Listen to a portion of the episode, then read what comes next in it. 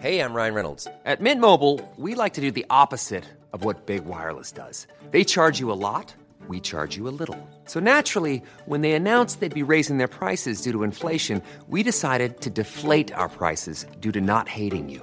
That's right. We're cutting the price of Mint Unlimited from $30 a month to just $15 a month. Give it a try at mintmobile.com slash switch. $45 upfront for three months plus taxes and fees. Promo rate for new customers for limited time. Unlimited more than 40 gigabytes per month. Slows. Full terms at mintmobile.com.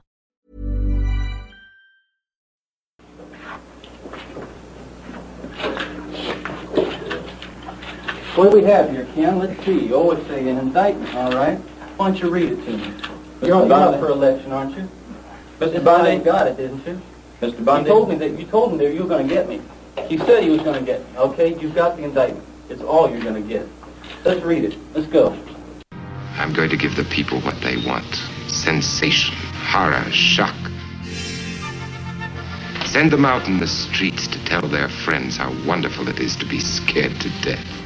Theodore Robert Bundy, you are charged, indictment, two counts burglary, two counts murder in the first degree, three counts attempted murder in the first degree. Design or intent to effect the death of said Lisa Levy. My chance to talk to the press. Contrary to section 78204 Florida statute. I'll plead not guilty right now. And your grand jury is being present. Välkommen till 2021 och skräckfilmscirkeln. Idag slår vi upp historieboken för att gå igenom en hemsk historia. där en serie människor fått lida till döds under en enda mans hand. Ted Bundy. En hemsk och spännande historia om en människa vars huvud förmodligen enbart innehöll hat, psykopati och begär. Vi gör det här som en triple bill med filmerna Ted Bundy från 2002, The Stranger Beside Me från 2003 och den eh, relativt nya Netflix-filmen Extremely Wicked, Shocking Evil and Vile från 2019. Eh, nu Fredrik, hur har dina helger varit?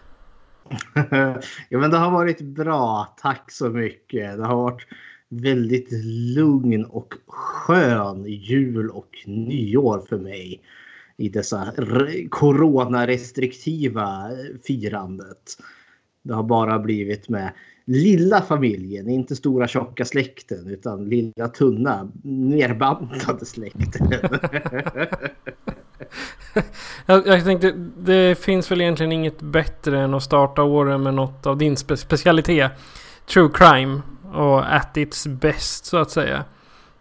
Ja, vi körde också jul och, och nyår med lilla familjerna. Eh, nyår då åkte vi ut i skogen med hundarna och ja, grillade och åt lite gott. Och ja, det, det var, gjorde inte så mycket. Det var faktiskt ganska lugnt. Första gången på tio år som jag inte har en tv-spelskväll. Oh. Faktiskt på nyårsafton. Så det var... Mm, det, coronan drabbar oss allihopa. Mhm. Ja, och idag så ska vi faktiskt grotta ner oss i en eh, typ sjuk person i form av Ted Bundy. Så att vi har bjudit in en person som kan lite extra om det här med psykologi och personlighetsdrag. Bättre än oss.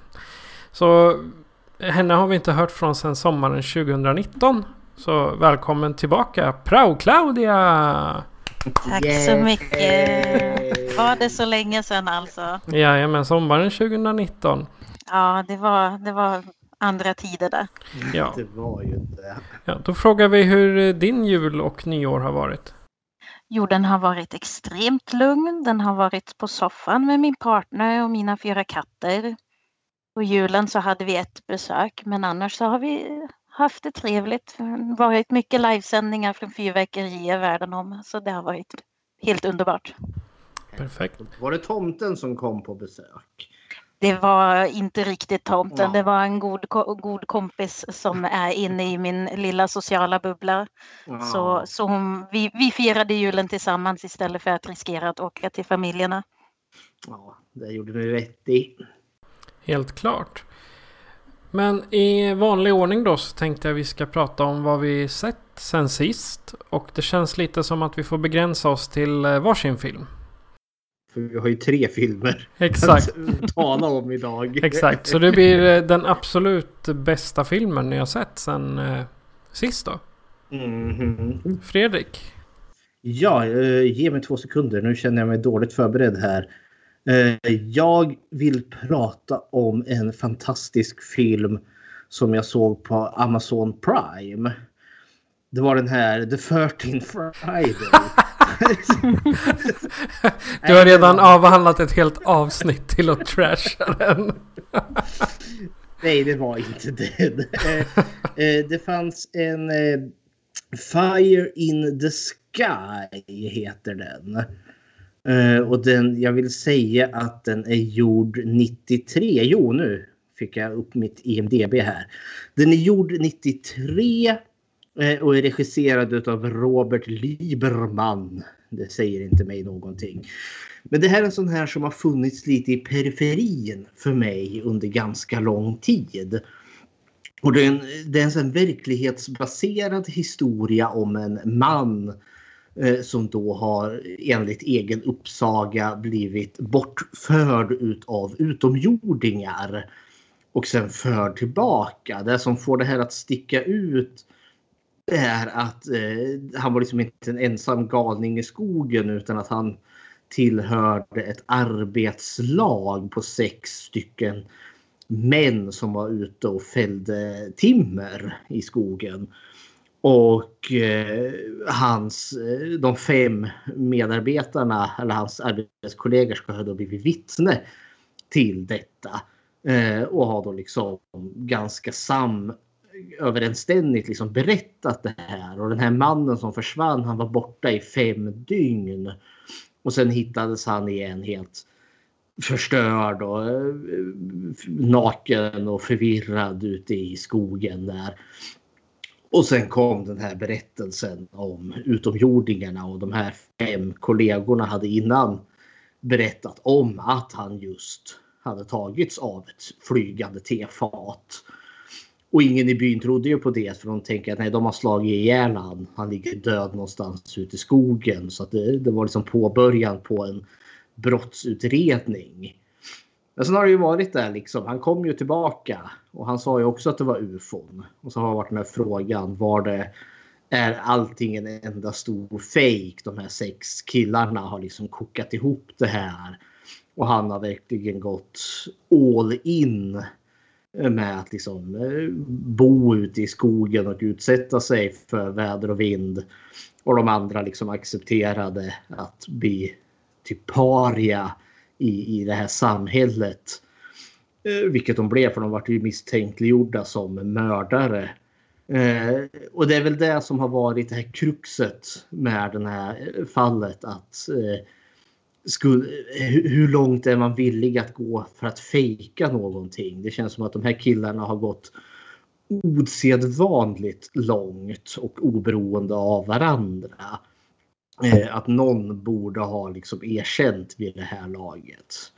Sak samma, det här blev en film 93 om just det här. Och jag eh, var, hade hemskt gärna velat sett den här och så dök den upp på Amazon Prime jag upptäckte att eh, när jag, när jag hittade den bara av en slump så stod det liksom ja, det finns, den är kvar i två dagar till. Så jag liksom ah, i panik måste se den. så den är borta nu tyvärr. Ja. Men jag tyckte den var fascinerande. Enormt välskådespelad. Eh, känns som att det är en hög produktion men samtidigt verkar det inte som att den kommersiellt har gått särskilt väl. Eh, spenderar ungefär lika mycket med att bygga upp att ja men ufot är nog på riktigt som den bygger upp att de här männen är fulla av skit och har hittat på alltihopa. Och sen specialeffektsmässigt är den helt fantastisk eh, 93 där. För den, den slutar ju med att vi får se i en flashback vad som hände i ufot. Och det är glorious och allt är ju liksom bara, bara gjort i praktiska effekter. Så det, det är min, eh, vad jag har sett och min starka rekommendation. The Fire in the Sky från 93. Och Claudia? Ja, det är så att eh, jag och min partner har spenderat jul och nyår-tiden med att se ikapp alla Star Trek-filmer. Oh. i kronologisk ordning. Mm. Så vi började med prequels och sen tittade vi på Han eh, och sen tittade vi på Rogue One. Och den senaste vi såg nu, var en, mina favoriter, så kommer vi till de äldre. Mhm. Så den sista var eh, A New Hope från 1977. Så de två absolut bästa filmerna återstår. Och sen tar ju Star Wars-sagan slut där. För att det, Mhm. det är ju vissa som påstår att det kom fler filmer än, än dem. Eh, det, är- det är någon som har fått för sig att det skulle ha kommit tre nya, men det, det har ju aldrig hänt. Det, det är lika trovärdigt som det där ufot tror jag. Ja, och jag tror inte att jag behöver berätta så mycket om, om Star Wars. Det kan nog de flesta. Jajamän. Okej. Eh, Jag har tittat på topp. Jag har tittat på massor med film nu under de här eh, ve- veckorna eftersom man inte har så mycket annat att göra. Eh, Det har inte varit väder att vara ute och det har inte varit några, några bjudningar eller så. Så då eh, har jag tittat på massor av film. Men den jag har, vill nämna mest det är en som heter Sint. Eller på engelska The Saint. Som är regisserad av Dick Maas. Det är en eh, skräckkomedi från 2010. Det är en eh, holländsk produktion. Och den handlar om... Till, till att börja med ska jag säga att i Nederländerna så firar man typ det här som vi firar julafton och ger varandra presenter och sådär. Det gör man den 5 december. eh, I, I form av något som kallas sinterklass. Och eh, nu den 5 december 1492 så dör en biskop vid namn Nikolas till följd av att byborna vägrar att stå ut med att han och hans gäng Svarte svartepettrar som de har där, de har inga tomtenissar utan de har Svarte Petter. De håller på och plundrar och dödar folk i Amsterdam då som är. Och deras dödsfall, de, för de, kommer på ett skepp så de bränner skeppet tillsammans med biskopen och hans eh, små medhjälpare. Och det sammanfaller med en fullmåne. Just då, den 5 december. Och drygt 200 år sedan så börjar filmen 1968 med att det är den 5 december och det är fullmåne. Och då ehm, kommer han tillbaka Sinterklaas, eller den onda Sinterklaas som man kan säga.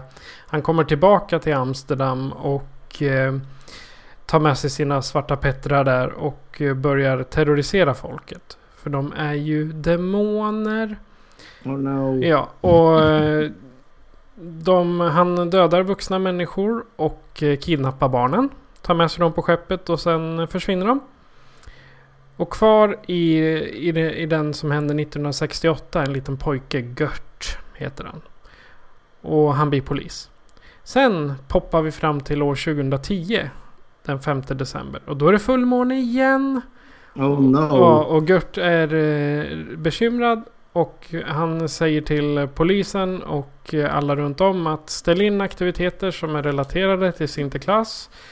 Och då, då pratar vi om folk som går och lägger paket eh, på trappen och klär ut sig till den här Svarte Petter.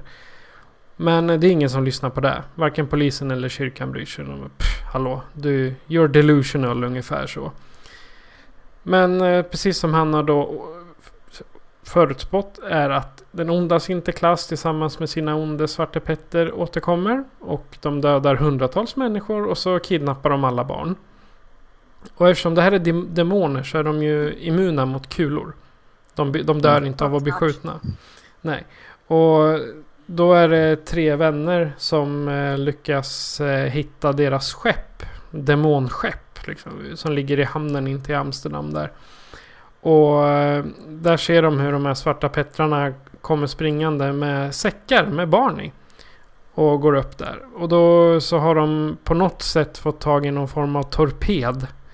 Eller eh, ra raket eller något. Och så eh, skickar de iväg den och så hela skeppet flyger i luften. Nu har jag spoilat hela filmen men det, den är gammal och jag ska säga det händer så mycket mera än de sakerna jag har sagt. Den är fantastiskt rolig. Eh, Den är holländsk helt. Dick Maas är också han som har gjort The Lift. Den Mm. eh, hemska hissen. Så. Han har gjort flera skräckfilmer så jag börjar jaga dem nu. Han börjar verka gilla demoner. Ja. det, det är en underhållande film. Tyvärr så hade jag bara utgåva med holländskt tal och ingen text. Så att men det funkar hyfsat bra att få det att förstå. Jag lyckades till och med få min flickvän att sitta bredvid och översätta lite. Ja, ja. Nog om demoner. Temat idag är eh, en hemsk människa. Och som tur är så är han ju död. Död och begraven. Eh, vi pratar om Ted Bundy. Och vi har mycket att prata om gällande filmerna. Men Fredrik, du kanske kan eh, ge oss lite information om honom innan? Ja, vi ska prata lite först också tänkte jag varför vi har lagt upp som vi gör. Eh, För det här är ju andra gången vi pratar om en eh, så true crime seriemördare, alltså där filmen eh, belyser en sån här händelse och en sån här person. Första gången var det ju Jeffrey Dahmer. Och då kollade vi på filmen som hette Damer. Ja, och två Och då- till. Ja, och då tänker jag, då var det ju först, eh, första gången vi gjorde det var ju på studiecirkeln som vi, hade på, eller som vi har på ABF, även om det nu ligger i paus på grund av covid. Men då tänkte vi, eller tänkte, att jo, när vi kom till podden, att, eh, för på cirkeln såg vi bara en film, men det har gjorts fler filmer utifrån samma berättelse, så då valde vi ju två till. Eh, the Secret Life of Jeffrey Dahmer och sen My Best Friend Dahmer. Eh, och då tänkte vi nu när vi kom till Bundy så skulle vi göra samma sak. För han har, det har också gjorts en hel del filmer kring honom.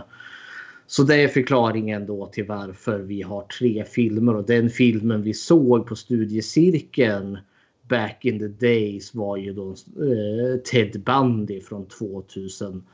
2002. Och så har vi nu lagt till The Stranger Beside Me och sen Extremely Wicked, Shockingly Evil and Vile. Eh, jag tänkte... Alltså jag hade en riktig sån seriemördar true crime fas när jag gick i gymnasiet och började liksom masskonsumera Eh, berättelser om de här galningarna. Eh, och börjar man ge sig ner i det här träsket så är ju liksom Ted Bundy liksom en av the big bad så att säga. Det, det, det låter nästan lite groteskt att säga men han är liksom en av klassikerna med då klassiker inom situationstecken. Men alltså han är ju det liksom eh, Eh, ja, kanske nästan det ansikte som dyker upp om du söker på seriemördare eller serial killer. För liksom Ted Bundy är så officiell och så stor, åtminstone i Amerika. Och då tänkte jag lämna lite öppen fråga till er. Var ni liksom vad ni har ni hört talas om Ted Bundy och seriemördare överlag? Då lä- lämnar jag över ordet till Claudia här. Ja, ehm, ja, tack vare dig så har jag ju hört om de flesta seriemördarna. Mm, eh, och speciellt Ted Bundy tror jag nog var den första jag hörde talas om. Eh, I och med att jag tittade på eh, Married with Children väldigt mycket Mm. när jag var liten. Och eh, så var det en av mina kusiner som kom in i rummet och hörde vad eh, huvudkaraktären, alltså pappan Al Bundy heter. Och han började asgarva och han skrattade. Och jag förstod inte varför. Så förklarade han ja men han heter ju som Ted Bundy, han mördade en massa folk. Och det var första gången jag hörde talas om honom.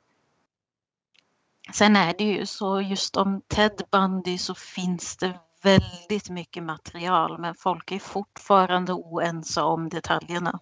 Så det är Mhm. in, int- intressant eh, karaktär, monster, mördare, vad man nu ska säga och prata om. Mhm. Mm. Ja, Patrik. Ja, jag har inte varit så mycket för eh, seriemördare överhuvudtaget. Eller mördar, mördarfilmer i sig. Jag är lite mera den här eh, found footage och mm, typ demoner. Det är den, den jämförelsen jag har haft. Men eh, på senare år här då när man har börjat eh, läsa in sig lite på kriminalhistoria och det kommer ju Just nu så skiter ju Viaplay ur sig eh, massa true crime eh, dokumentärer. Då blir man mer och mer intresserad. Så jag menar sen jag kollade i huvudet på en mördare med, från Viaplay och jag kunde inte tänka på annat än bandy då. Hur de här filmerna liksom visualiserar hur han beter sig, hur han har, vad han har gjort och hur omgivningen har tagit emot det. Så att eh, det har blivit på senare år. Men ehm, det började säkert med skräckfilmscirkeln. Innan dess så var jag inte sådär. Ah, det hände. Okej. Okay. Så var det med det. Typ så. Ja du. Eh, för true crime-nörden så finns, vet man ju säkert en hel del. Och det är precis som du sa Claudia, som med Ted Bundy finns det ju ett rikt material. Och det är ju liksom en del av hans berättelse och kanske framförallt den här extremt offentliga rättegången som var emot honom som har gett så vansinnigt mycket. Men jag kör en liten kort liksom summa summarum om fakta kring Ted Bundy. För man kan liksom inte ta för givet att alla har koll på vem han är eller var. Så jag kör en liten kortis här med liksom verkligen med betoning på kortis för hans liv är ganska långt och väl dokumenterat. Eh, men Ted Bundy eller Theodor Robert Bundy. Han är då född den 24 november 1946 och han dör den eh, 24 januari 1989 då vid en ålder utav 42. Eh, han föddes eh, på en eh, eh vad heter det? en klinik som heter Elizabeth Land Home for Unwedded Mothers. Alltså ett hem för ogifta kvinnor eh, Eh, i ett område som heter Burlington i Vermont utav sin mamma Eleanor Louise Covell. Eh, fader okänd. Eh, redan hans start är liksom har tolkats som väldigt viktig i hans utveckling senare i livet. För just att han är född som en oäkting, en bastard utanför äktenskapet. Så är, var det liksom ett socialt stigma som fanns som var väldigt hårt och väldigt allvarligt 1946. Eh, för en annan, för oss här 2021 eh, i Sverige så är ju inte det här någonting man höjer ögonbrynen åt. Ensamstående mor eller eh, ett par som inte är gifta utan bara är i en samborelation som skaffar barn. Det är ju ingenting vi skulle bli hysteriska över och det är ingenting som skulle liksom hämma dig i, i ditt sociala liv eller på arbetsplatsen. Men 46 i, i det ganska konservativa Vermont är det här en riktig realitet. Eh, och ett genuint hot. För du kan verkligen bli stämplad för tid och evighet. Eh, så Louise eh, Covell, Bandys mamma där, alltså hon, hon har seriösa problem. För hon har blivit gravid här med en flört. Och han har ju tagit sitt pick och pack och stuckit. Och hon är lämnad här med skammen. Eh, så hon måste fejka det här. Så dels så har vi ju det här The Elizabeth Land Home for Unwedded Mothers. Så det här är ju en medveten institution för att just stävja den här problematiken. Eh, för att då kunde kvinnor eh, som har blivit havande utanför äktenskapet åka dit och diskret föda barn. Och då kom man ju till eh, den här institutionen lagom innan eh, ja, det börjar synas på allvar att du är gravid. Alltså i sjätte, sjunde månaden där kanske. Och så får du ju bo där tills och med att du föder. Det resulterar i att eh, när Bandy väl är född så flyttar de då hem till hennes mamma och pappa. Alltså till Bandys morfar och eh, mormor. Och där kommer de överens om att de ska fejka att mormor och morfar är mamma och pappa. Och att Louise är då eh, Bandys äldre syster och att Ted är en sladdis. Eh, för att offentligheten inte ska få reda på det här. Eh, och det går väl alltså det, det, går bra. Alltså själva hemligheten hålls. Eh, Sen finns det väl de som går där och funderar och finular. men de bodde där i fyra år. För 1950 då flyttar eh, Louis från hemmet. Eftersom att hennes pappa är en ganska lynnig man. Eh, han har väldigt häftigt temperament och han blir ofta arg. Eh, och han har en viss eh, fäbless för att vara grym mot djur. Eh, han, ska ha varit beskriven som att han kunde tycka det var kul att ta en katt vid svansen och sen svinga katten ovanför sitt huvud medan den skrek. Då. Alltså det, det här var en människa som sparkade på hundar och var allmänt liksom grym på det sättet. Och samtidigt ska han ha varit ganska kärvänlig och en stabil faktor för familjen också. Så det är inte riktigt en skräckkammare till familjehem heller. Men de bor ju som sagt där i fyra år. Så Bandy är ju ganska ung. Men de flyttar senare. Eh, och eh, där, när de väl flyttar så kommer Louis träffa Johnny Kallberg Bundy. Eh, och det är där själva namnet Bandy kommer. Då. Hon gifter sig med honom. Eh, och sen eh, ja, byter de ju namn. Eh, de är skötsamma, de är hårt arbetande, de är konservativa eh, och de är engagerade i metodistkyrkan. Så den kristna tron eh, är väldigt viktig här. Bandy var väldigt aktiv som pojkscout och han utmärkte sig väl. Bandy som barn beskrevs som att han var mycket smart. Han var lätt, han hade lätt för skolan, han hade lätt att lära in. Eh, han var dock en udda fågel. För han var liksom väldigt eh, brådmogen. Eh, alltså lillgammal.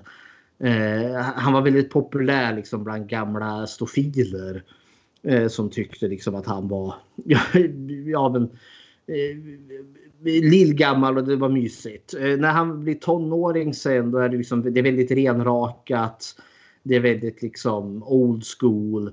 Och vi liksom är i en era då hippierörelsen kommer igång där män ska ha färgglada kläder och långt skägg och långt hår medan Bandy är klädd i kostym och fluga slips och är renrakad och har kort hår. Så han sticker ut som en tumme mitt i handen. Eh, han, han, är ganska snygg. Eh, han är, han är väldigt lång. Eh, eh, men han beskrivs också som väldigt blyg och väldigt töntig. Eh, han avlade, av, avlade, avlade en studentexamen i Woodrow Wilson High School och där vann han då ett stipendium så han kunde söka till universitet. Och det slutar att han hamnar på The University of Washington i Seattle. Där han kommer läsa bland annat psykologi eh, och eh, inrikta sig på juridik. För han ska nämligen bli guvernör. Han har stora planer på att liksom bli politiker eh, inom det republikanska partiet och han ska, han ska bli någonting stort Eh, och kunnigt. Eh, han, han, måste ta, eh, han kommer från en arbetarbakgrund och på det här universitetet i Washington det är, det är lite eh, för mer än vanligt folk. Utan majoriteten av studenterna där kommer från extremt välbärgade familjer. Eh, där man inte har behövt något stipendium för att söka sig dit. Så pengar finns allt som oftast att hämta från mamma och pappa. Men det finns det inte för bandy. Så han måste arbeta ganska hårt med småjobb här och där. Han är inte så bra på att behålla de här småjobben. Eh, han, han håller dem i några månader på sin höjd ett halvår. Men ett som han faktiskt lyckas behålla under väldigt lång tid är då, eh, det är också en del av den praktik han har på sin psykologiutbildning. Är då i Seattles kriscenter för självmordsbenägna. Alltså det var ett center där folk, alltså, alltså jag menar självmordslinjen, folk som mår dåligt ringer in och så får de höra en vänlig röst. Där arbetade han under väldigt lång tid, under faktiskt flera år till och med. Eh, och där kom han då att träffa en kvinna som heter Anne Rule. Och henne kommer vi att komma till i våran andra film. Eh, för hon var senare en författare, en kriminologförfattare och kom ju att skriva sin första bok om just Ted Bundy. Den här mannen som hon hade arbetat sida vid sida med. Eh, som hon talade jättemycket gott om. Som också kunde visa på den här märkliga dualiteten. För han var jätteduktig på att rädda människoliv. Folk som mådde jättedåligt och ville ta sina liv kunde han tala ner eh, och trösta och ta hand om. Eh, och sen är ju han mest ja, känd för att ha mördat och våldtagit och förstört människoliv. Eh, hon har till och med, jag, jag, hon skrev den här boken The Stranger Besides Me, Främlingen bredvid mig. Och det är ju den eh, filmen som är nummer två. Och hon, eh, jag försökte lyssna lite på den för jag tankade hem Storytel som en liten julklapp till mig själv. Och där finns boken eh, The Strangers Beside Me. Och den berättar... Eh, det vet jag inte, det är inte en rule själv men det, det, var inget namn som var för mig bekant.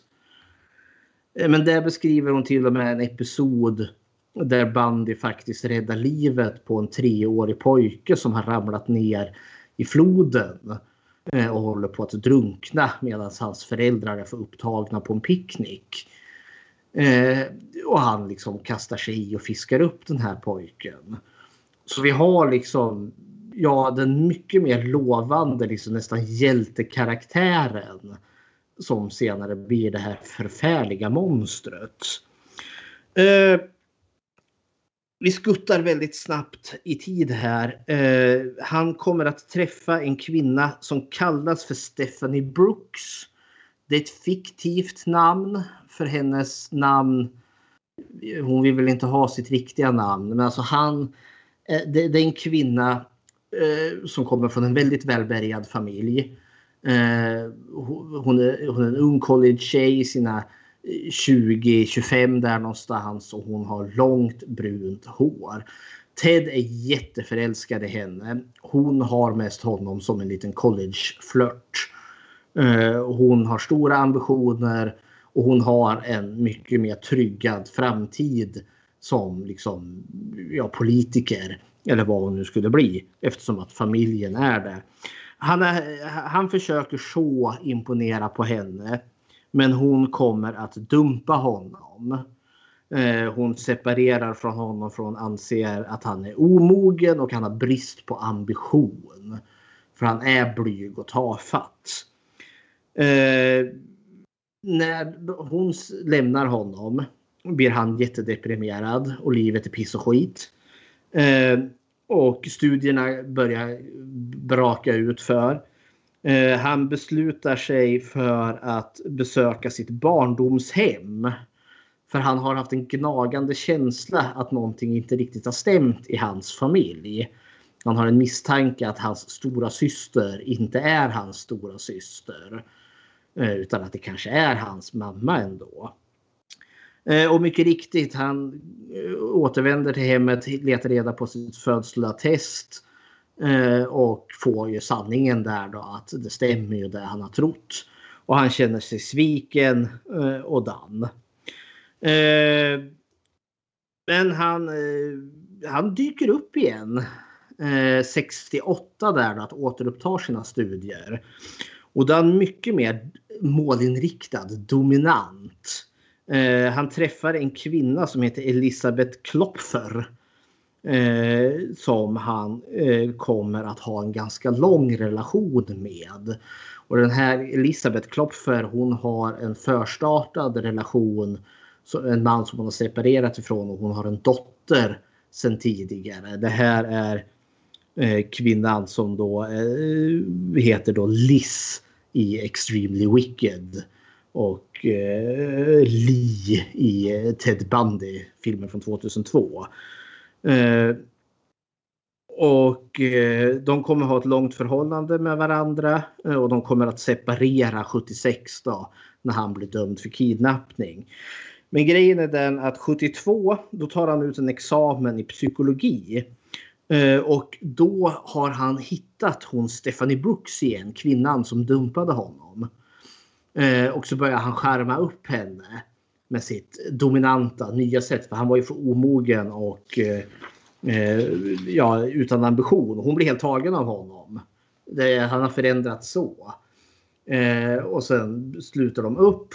Eh, han, eh, han, eh, han liksom gör det väldigt tydligt för henne att han kanske rent av tänker fria till henne.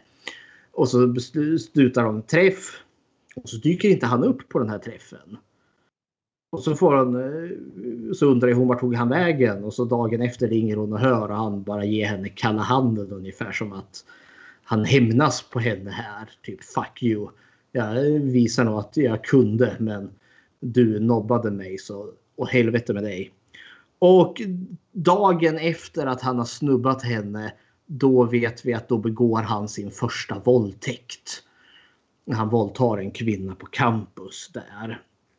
Eh, och sen från 73 och framåt då börjar han plugga juridik. Eh, och han ska ju bli advokat och allt det där.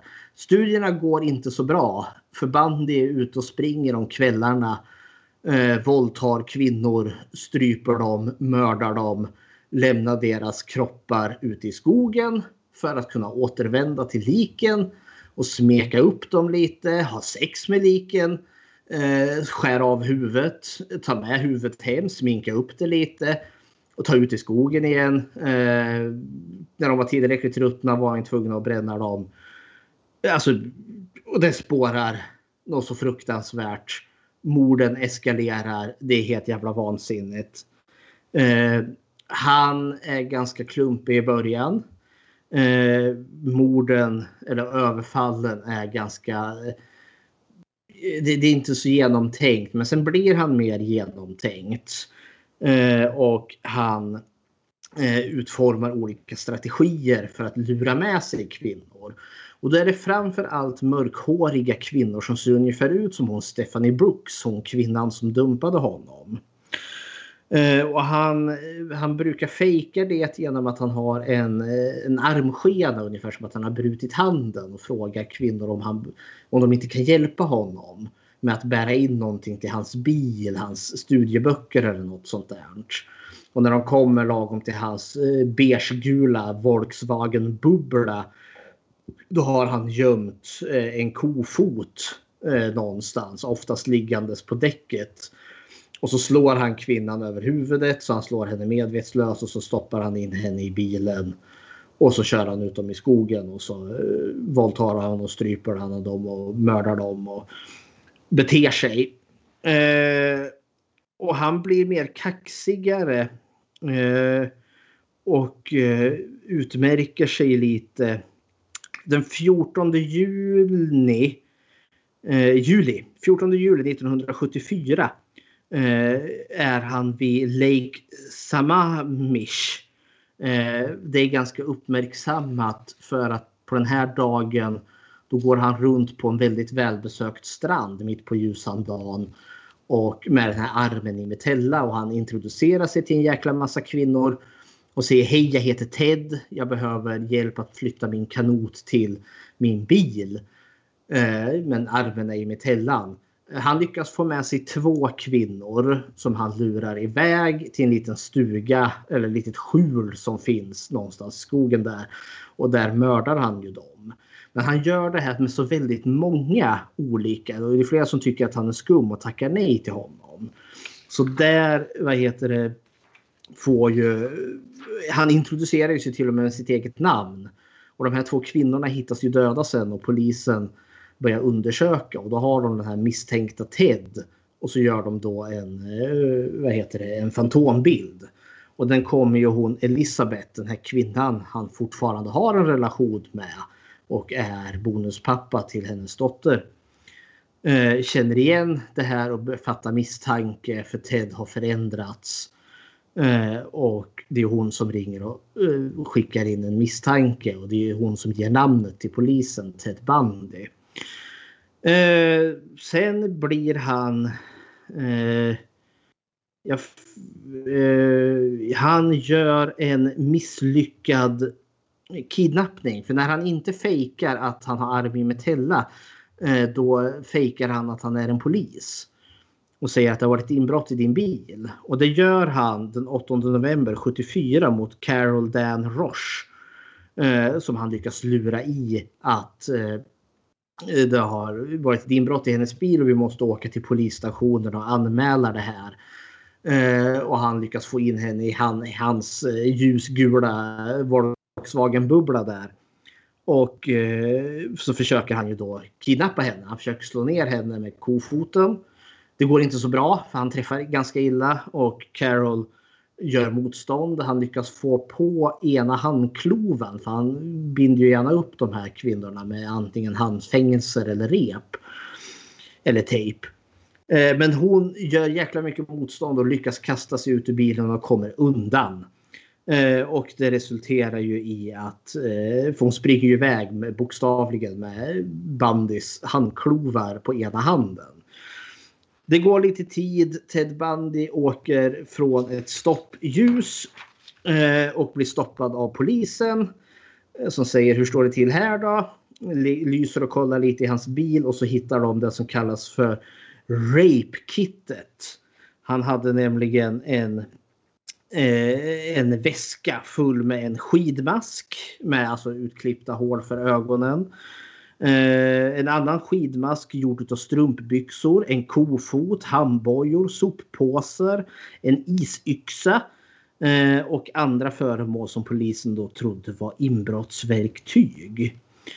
Eh, och polisen har ju, det har varit många övergrepp och många anfall på kvinnor här. Eh, och när det visar sig att nyckeln till de här handfängelserna Eh, Eh, som man hittar i hans rape kit passar det här hänglåset eller eh, låset till handfängslet som hon Carol som kom undan med blotta förskräckelsen. Ja, då kniper de ju honom och så blir han åtalad för kidnappningen av henne.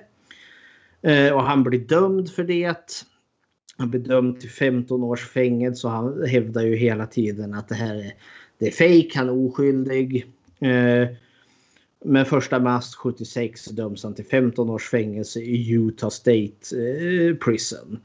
Men den 7 juni 1977 håller han på och överklagar. Eh, och eh, säkerheten är inte så jävla stor. Eh, så han öppnar ett fönster och så hoppar han ut och så springer han iväg. Bort var han.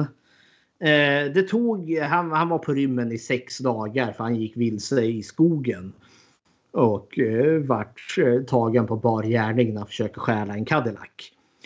Eh, och så är det ju tillbaka i finkaburen. Eh, men i fängelse nu för kidnappningen här så har man då börjat kollat på de här morden på de här två kvinnorna vid sjön. Och så har man då börjat, börjat misstänka eh, honom. Och eh, man startar en utredning mot honom. Och när han inser att han ska bli, bli åtalad för mord. Ja, då rymmer han igen. Eh, han eh, hittar nämligen ett, eh, ett, en lucka eller ett hål i, i fläktsystemet i sin cell. Eh, och med hjälp av en liten bågfil som han har lyckats eh, muta till sig. Eh, så, och att han börjar äta väldigt mycket mindre mat. Han bantar ner sig så han blir smal. Så lyckas han eh, efter två veckor såga upp ett hål och han kryper upp ur det här hålet. Eh, som tar honom till krypgrunden utav fängelset. Och så lyckas han ta sig ut och sen piper han iväg. Eh, han rymmer iväg och hamnar i Florida där han går under ett falskt namn. Han kallar sig för Chris Hagen. Han hade flera alias. Han hette också Kenneth Missner, Richard Burton, Officer Roseland och Rolf Miller. Men Chris Hagen var det han kallade sig när han var i Florida. Eh, och han försörjer sig på lite ströjobb hit och dit. Eh, men sen eh, tar det, eh, ja, gör han ju den här massakern på, nu ska vi se, The Florida State University kvinnoföreningen Chi Omega. Ja, där bryter han sig in en sen natt och så slår han ihjäl två kvinnor med ett eh, vedträd förgriper sig sexuellt på dem och han försöker slå ihjäl två till. Men som han, han skadar allvarligt men dödar dem inte. Eh, och detta gör han 15 januari 1978. Eh, och några dagar senare, den 9 februari 78 kidnappar han, våldtar och mördar han den 12-åriga Kimberly Leach och dumpar hennes lik i en svinstia. Hon blir hans sista offer för återigen eh, så blir han tagen utav en polis. Eh, som eh, har då kollat reggplåtarna på den bil han har som han har stulit. Och när polisen, eh, eller trafikpolisen vinkar in honom då eh, rusar han ut i något fält där skrikandes hejvilt. Och med polisen efter sig och det blir tumult och det är slagsmål och gråt och tandagnisslan.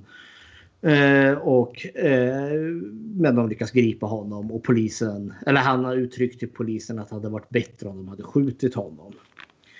Eh, han återvänder, det blir rättegång. Och det här är för mig lite märkligt för hans rättegång blir en stor jävla fars av någon märklig anledning så har man fått för sig att man ska tv-sända hans rättegång. Och det blir den första rättegången i Amerikas historia som får, alltså det blir som en reality-tv. Eh, och man brukar också säga att det är det här som skapar true crime. Eh, det finns en väldigt excentrisk domare eh, som tycker det, som gillar att munhuggas han, de har väl valt honom för att han blir lite mer av en mediepersonlighet. Ted Bundy väljer att försvara sig själv i absurdum och är också liksom en eh, hysterisk människa. Eh, han träffar en kvinna under den här perioden som heter Carol Ann Boone som han friar till mitt under rättegång och kan gifta sig med henne. Han kommer att avla ett barn med henne sen i fängelsecellen. Eh, han blir senare dock dömd. För man, han bet nämligen sina offer och man, kunde gjort, man gjorde tandavtryck på karn Och de kunde man matcha med eh, vad heter det, eh, bitmärkena på offren. Eh, och det resulterar i då att han blir dömd mot sitt nekande och han blir dömd till döden i den elektriska stolen. Och 1989 avrättas han. Eh, och han hävdade hela tiden sin oskuld ända fram till slutet då han plötsligt började erkänna en jäkla massa mord. Eh, och liksom ville placera ut platserna, liksom vart finns offren? Eh, och eh, mycket av det var nog gjort för att han ville köpa sig tid. Han ville inte bli avrättad.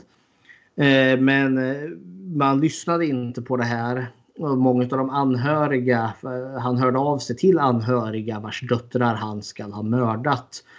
Och sa till dem att eh, ni måste höra av er till guvernören och ansöka om nåd eller förmildrande för att han eh, ska få leva vidare.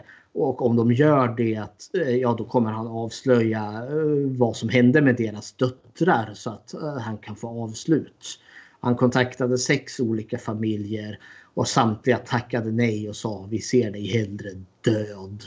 Och det var det som hände. Han dog. Och han dog i gråt och tandagnisslan. Eh, för han var förtvivlad. Han försökte liksom till och med när de släpade han till elektriska stolen höll han på och erkände en massa brott, en massa mord som han hade begått. Eh, som han antecknade febrilt. Eh, men i slutändan, han är dömd för eh, två mord. De här två kvinnorna han slog ihjäl i Florida. Eh, men man har kunnat stärkt alltså, eh, en siffra på 26 kvinnor som man kan bevisa att han är skyldig till. Men man tror att själva att den mer korrekta siffran är 36.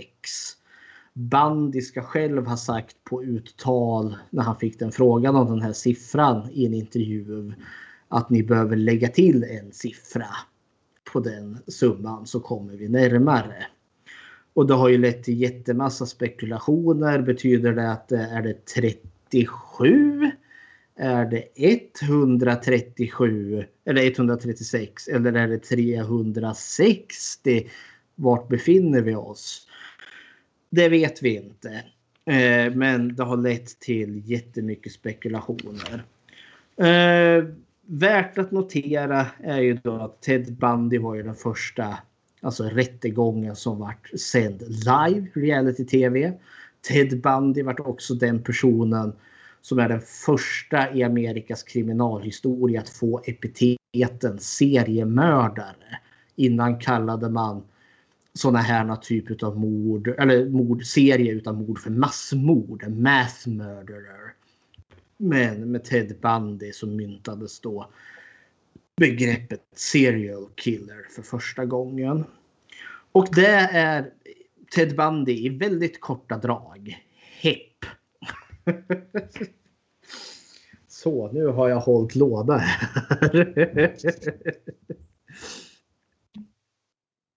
Väldigt intressant ändå.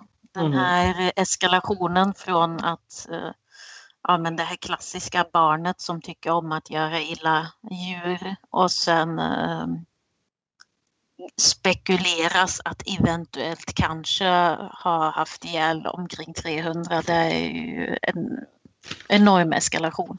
Ja. Det, är det som är så märkligt med, med bandy är ju att om man kollar på andra seriemördare. Jag tänker Jeffrey Dahmer, John Wayne Gacy, Charles Manson. Nu är väl han mer kultledare än seriemördare. Det är väldigt enkelt liksom att se vart det gick fel. För de har så horribla barndomar. Medan bandy Visst, det finns saker som är knepigt där. Men vi snackar ju liksom inte sexuella övergrepp eller liksom misshandel dagarna i ända. Hans morfar var otäck. Men han bodde bara med sin morfar de fyra första åren. Bandy själv menade att det var pornografins fel. Närmare slutet där innan han blev avrättad eh, så hade han en intervju med James Dobson, ledaren för den evangelikala kristna organisationen Focus on the Family. Som förde en kamp just om att pornografi är det värsta som finns. Och han fick en intervju med Ted Bundy och Ted Bundy erkände där att det var porren som gjorde att jag började mörda kvinnor. Han tittade på porr som barn och därför slog det slint. Och så därför har han mördat alla de här kvinnorna. Mm. Det låter och, väldigt mycket som om han försökte köpslå sig en allierad där. Mm -hmm. Okej. Kä- Ja, hepp. Japp, det är hem, en hemsk människa trots allt. Och ändå så hade han levat nu då hade han väl varit mer nöjd med sig själv än någonsin. Och har fått minst tre filmer uppkallade efter sig. Mhm. Ja. Törs man fråga här Claudia, som är vår lilla psykologiexpert. alltså, psyk... Jag kan ju bara sitta och killgissa här om psyket hos en sån här människa. Liksom, när, när du tänker bandy, alltså vad, varför? typ. Eh, Det är just det som är så spännande med bandy för eh, som du säger, många andra där ser man okej, här tappar de barnet på, eh, i huvudet och där skadades eh, eh, eh, hjärnan på det ena och det andra sättet och här utsattes personen för saker eller här fick personen lära sig hemska saker. Med bandy är det inte alls lika uttalat och han beskriver väl under rättegången sin barndom som eh, guld och gröna skogar en sväng. Mhm. Så, så där är det ju mer intressant att kika på. Sen fick han ju ett psykiatriskt utlåtande innan han skulle avrättas för att han överklagade och sa att nej men jag är psykiskt sjuk, jag kan inte avrättas för eh, lagen i den delstaten eh, sa just att man behövde vara tillräckligt kompetent för att förstå sina brott för att kunna bli avrättad. Eh, Och där bedömdes han ändå som tillräckligt frisk för att avrättas. Så han hade ju...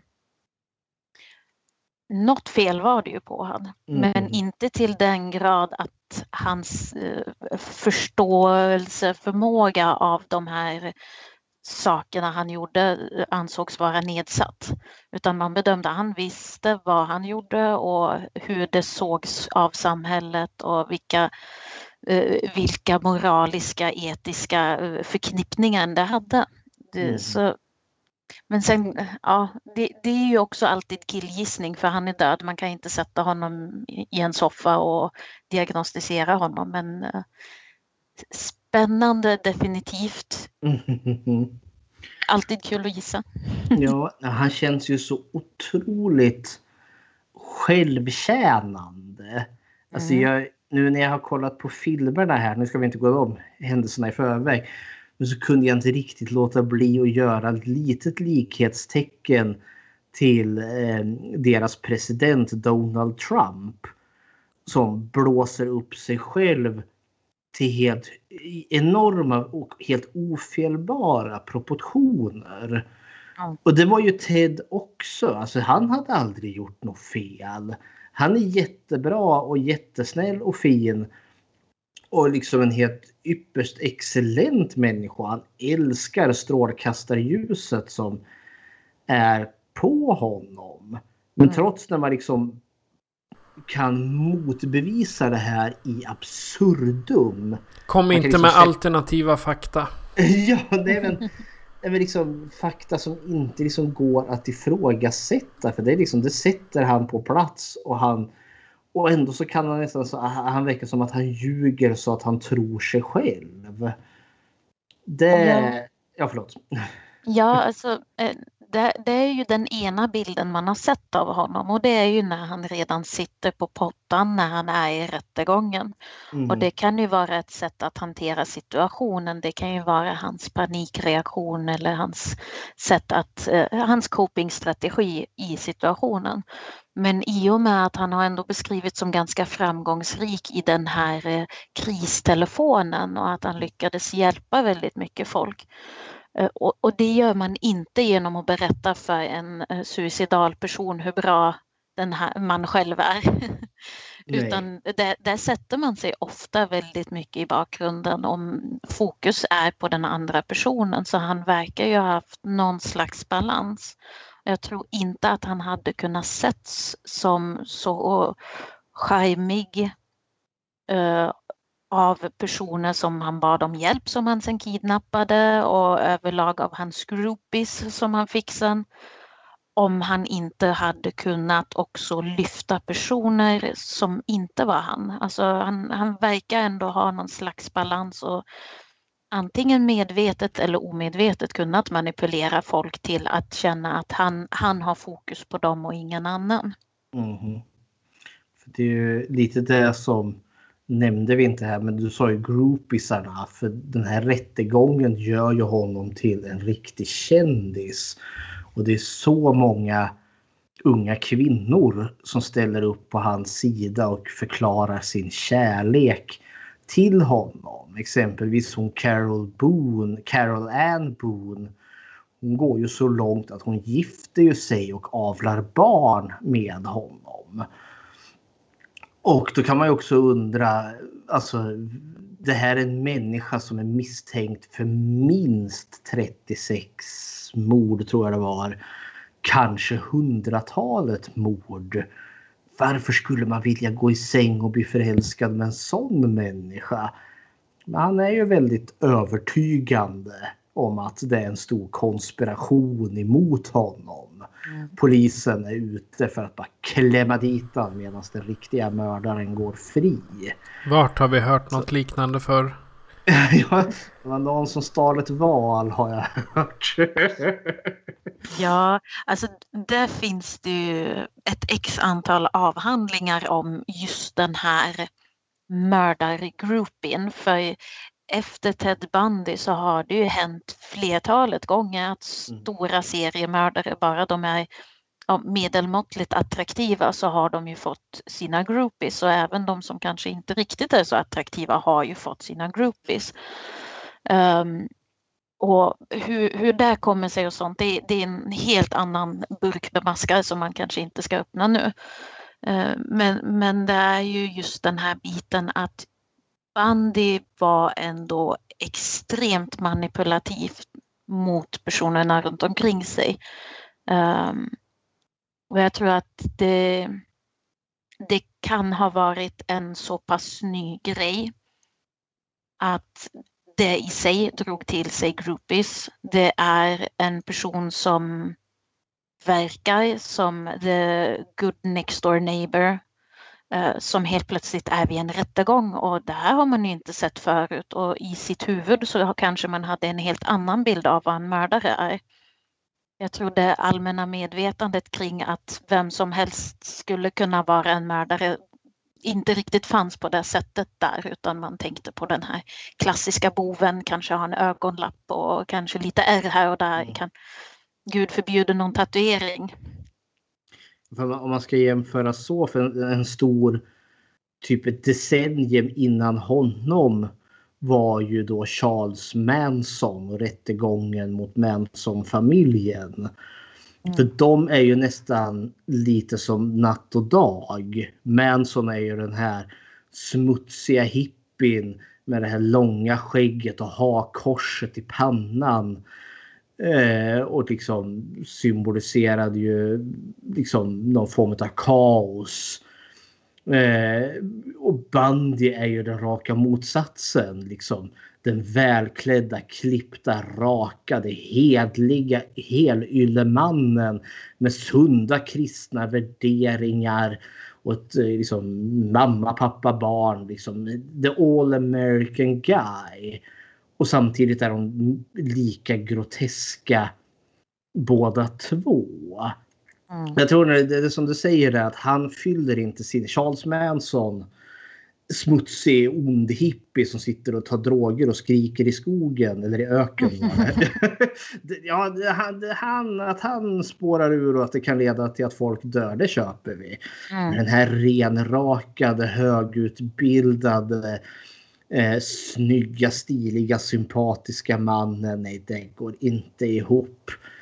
Och det är ju inte vilka brott som helst. Alltså jag, det var ju, jag gick ju väldigt snabbt igenom de här groteskligheterna. Det var ju inte bara mord och våldtäkter.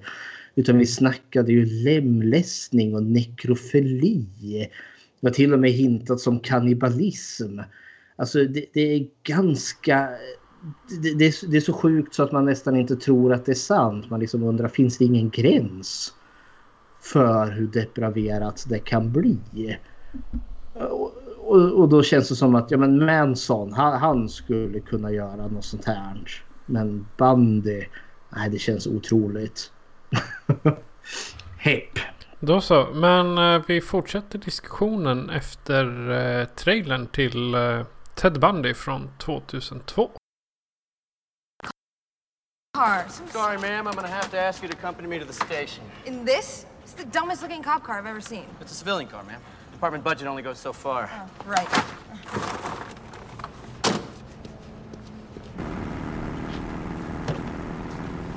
The police station's not over this way. The fuck are you doing? Fuck! Fuck! What the fuck are you doing? What the fuck are you doing?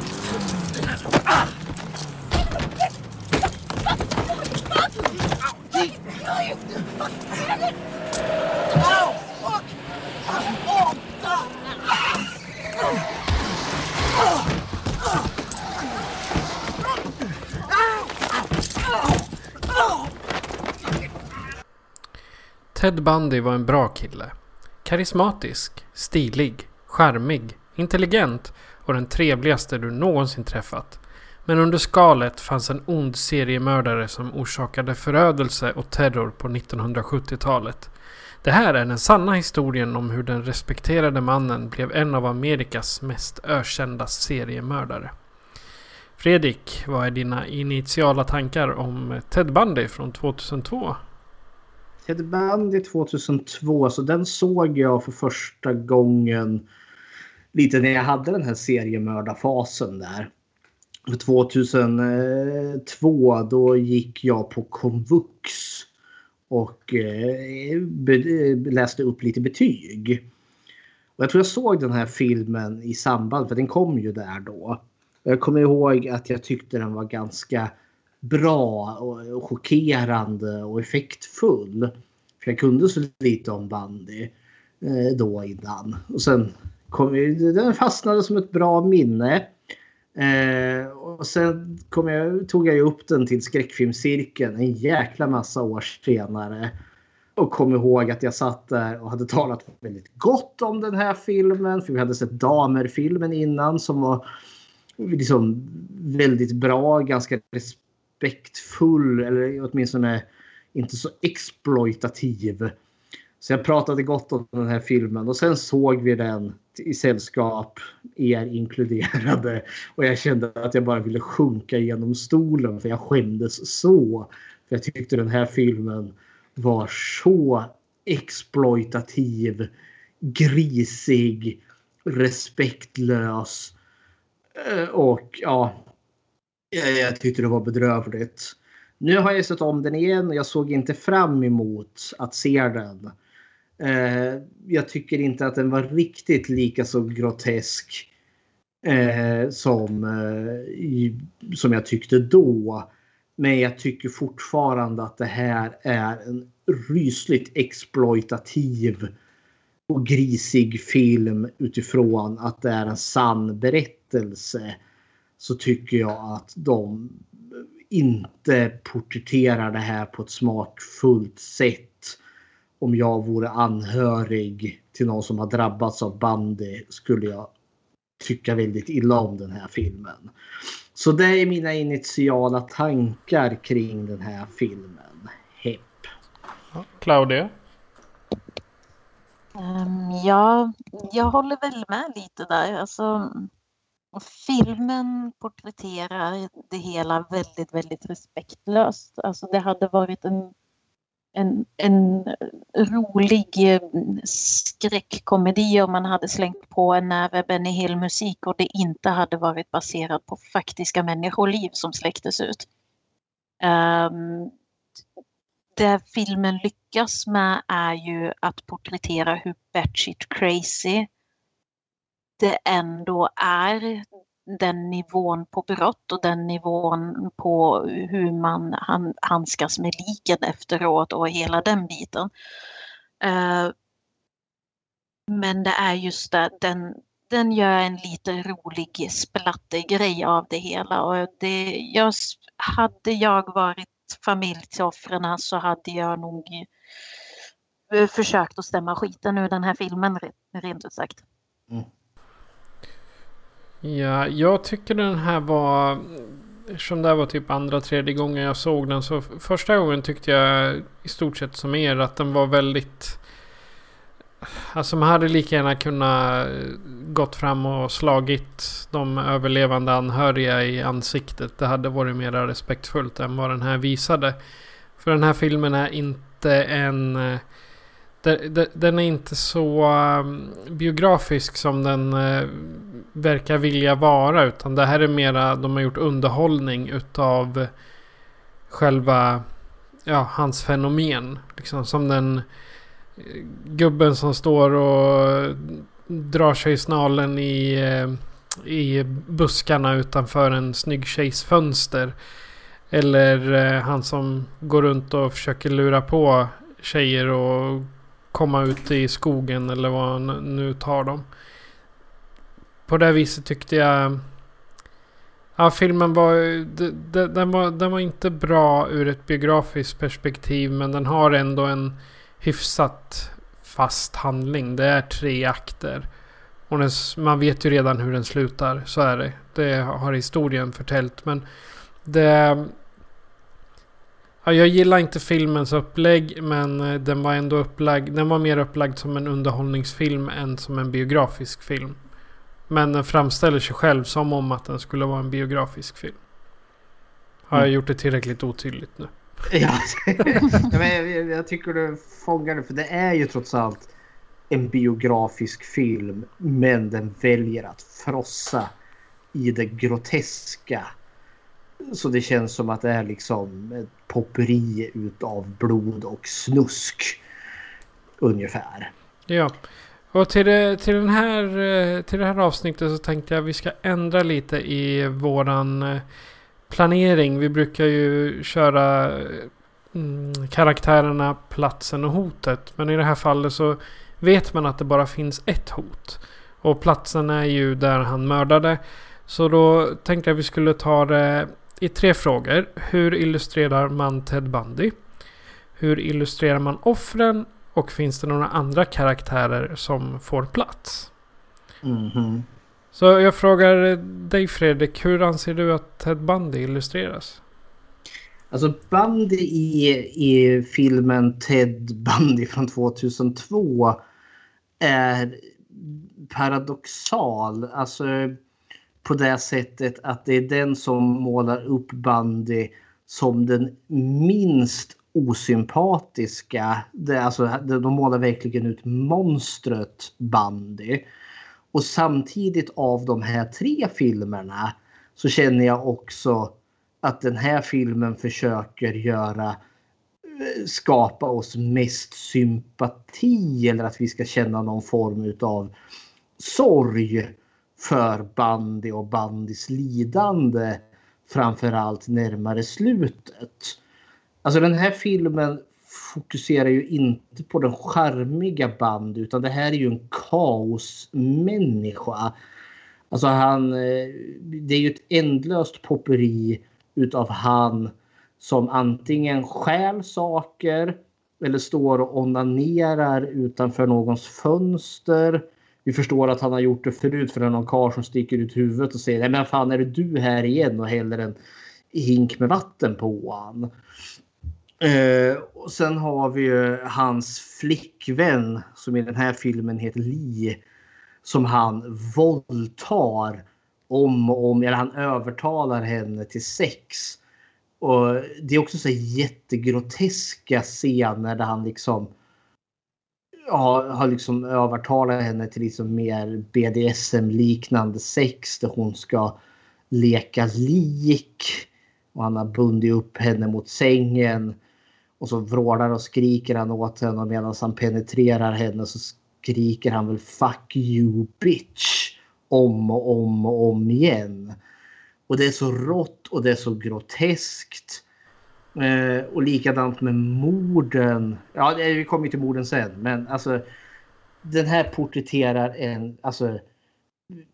Det kaosartade monstret. Som bara vältrar i lidande och död. Så, så tycker jag att de porträtterar Bandy i den här filmen. Ja, Claudia, vad är din åsikt? Jag håller 100% med där. Ehm, det är Kaos Bandy. Det är inte den eh, samlade, eh, lite lustiga, charmiga personen som, som i alla fall på, eh, syntes under rättegången utan det är kaosbandy. Sen finns det ju lite rapporter om att när han flippade, då flippade han totalt och var totalt helt oförutsägbar. Så eh, det kan ju hända att filmskaparen har hängt upp sig på just den biten. Men det är eh, ett skojsigt monster som far genom filmen som en virvelvind som sen möter sitt tragiska slut, vilket jag inte tycker är en bra porträttering. Men eh, det är den, den de valde. Helt klart. Alltså jag, jag tycker man illustrerade Bandy som... Eh, han är van vid att få det han vill ha. Och ständigt att han skriker efter bekräftelse. Men det är det han eh, gör lite när han går och... Liksom, ja men eh, min arm är bruten. Nu måste jag se, få tjejernas bekräftelse att de tycker synd om mig. Och sen så mördar jag dem. Och i början tyckte jag nästan att regissören och producenten var mer, ja men det är synd om honom. Att han målas upp lite som ett offer. Och sen är han ju den extrema mytomanen som ljuger om allt. Och som vi pratade om sexscenerna. Det, det jag reagerar på i den här filmen är att sexscenerna är väldigt lika de som är i Damers. Jag tror det är Damer-filmen från... eh, Mhm. Den, ja, vi- såg den på skräckfilmscirkeln. Eh, Ja. Mittenfilmen skulle jag säga i det avsnittet. Men eh, den... eh, ja. Den heter väl bara Damer dessutom. Ja, den Ja. heter bara Ja Damer. precis, ja då är den sexscenerna där är ju ganska lika. Han eh, letar Mhm. upp de döda och har... Ja, uh. Och hur skulle du säga att offren illustreras, Fredrik? Alltså det är ju det här som gör den här filmen så eh, svår för mig. Hur man porträtterar morden i de här filmerna. För det är så utelämnande. Alltså, det, det är ju både och. Tänker jag. För det, det är chockerande. Och verkligheten är mer chockerande än vad fiktionen är. Men alltså vi har ju verkligen alltså, ett popperi utav mord här.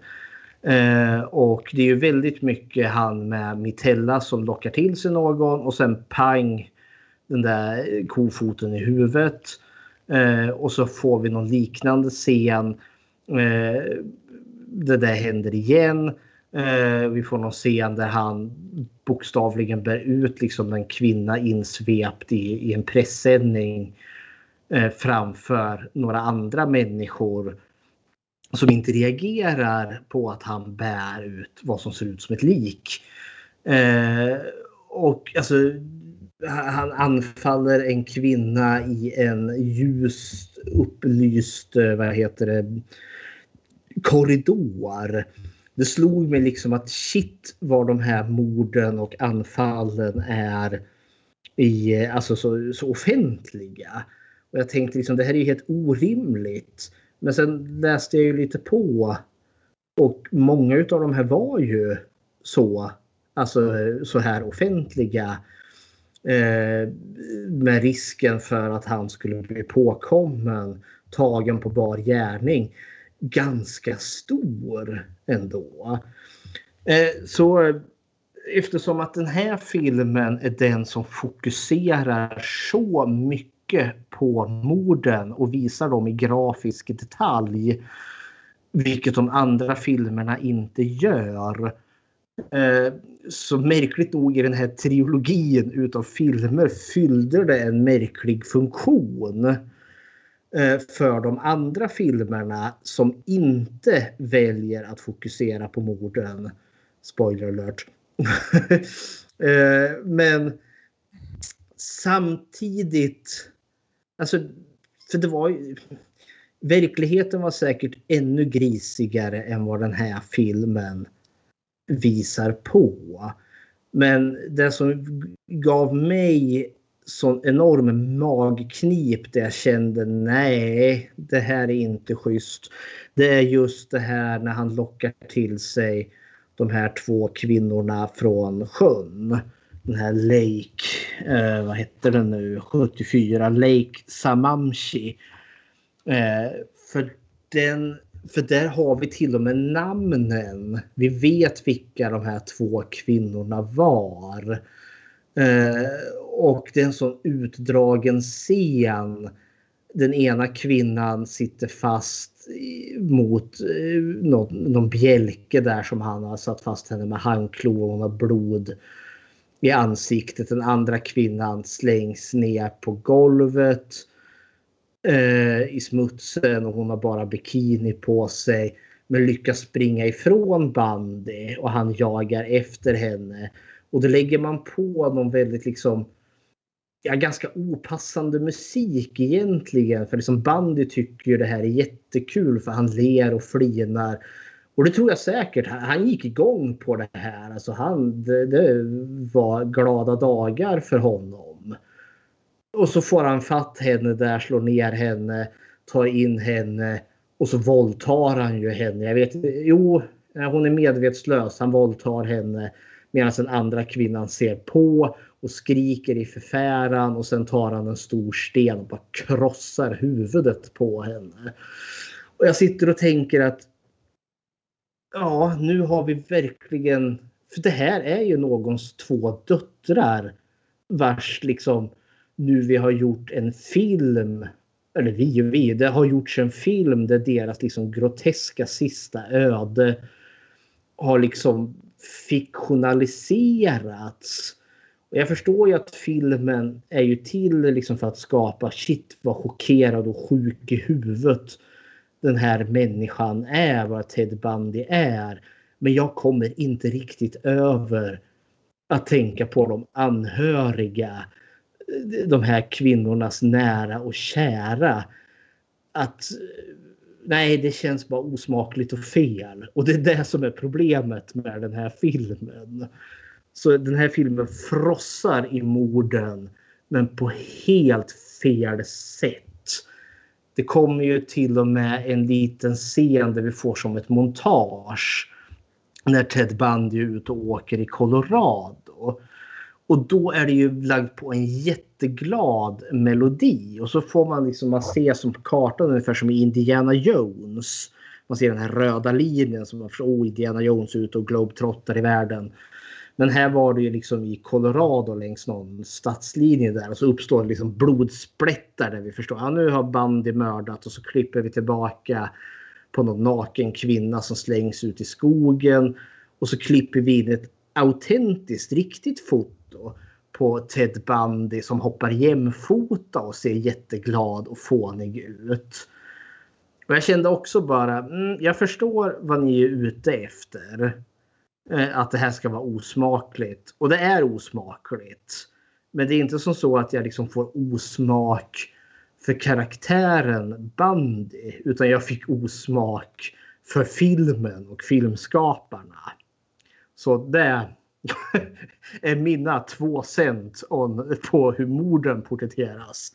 Eh, och hur offren porträtteras i den här filmen. Claudia? Ja, Alltså, dels, um, dels så hade jag ju problem med den här extrema groteskheten som Fredrik pratade om. Men det, det jag tror jag la märke till mest var att Bundy var en karak välskriven karaktär i den här filmen. Man hade mm. lite background, man hade okej okay, men han, han är galen, han är oberäknelig, eh, han är perverterad. Men varje offer var skriven lite som en disposable person. Alltså det, det, det fanns väldigt lite person i de här offren, även när vi kände till namnen på offren. Uh, om de kanske sa någonting lite personligt under attacken eller man, man, de skådespelade sitt lidande någorlunda bra. Uh, så är det fortfarande, det, det är uh, airheads som han har plockat upp som inte ges någon karaktär, det ges ingen bakgrund, man lyfter inte att det här var faktiska personer, faktiska människor, utan de avhumaniseras lite grann genom hela filmen, speciellt när han är inne i, eh, i sluttampen där sen. Eh, och, och det är nog mitt största problem med hur, hur de här morden porträtteras, att det, det är inte offer utan det är bara, ja men det är en kill count.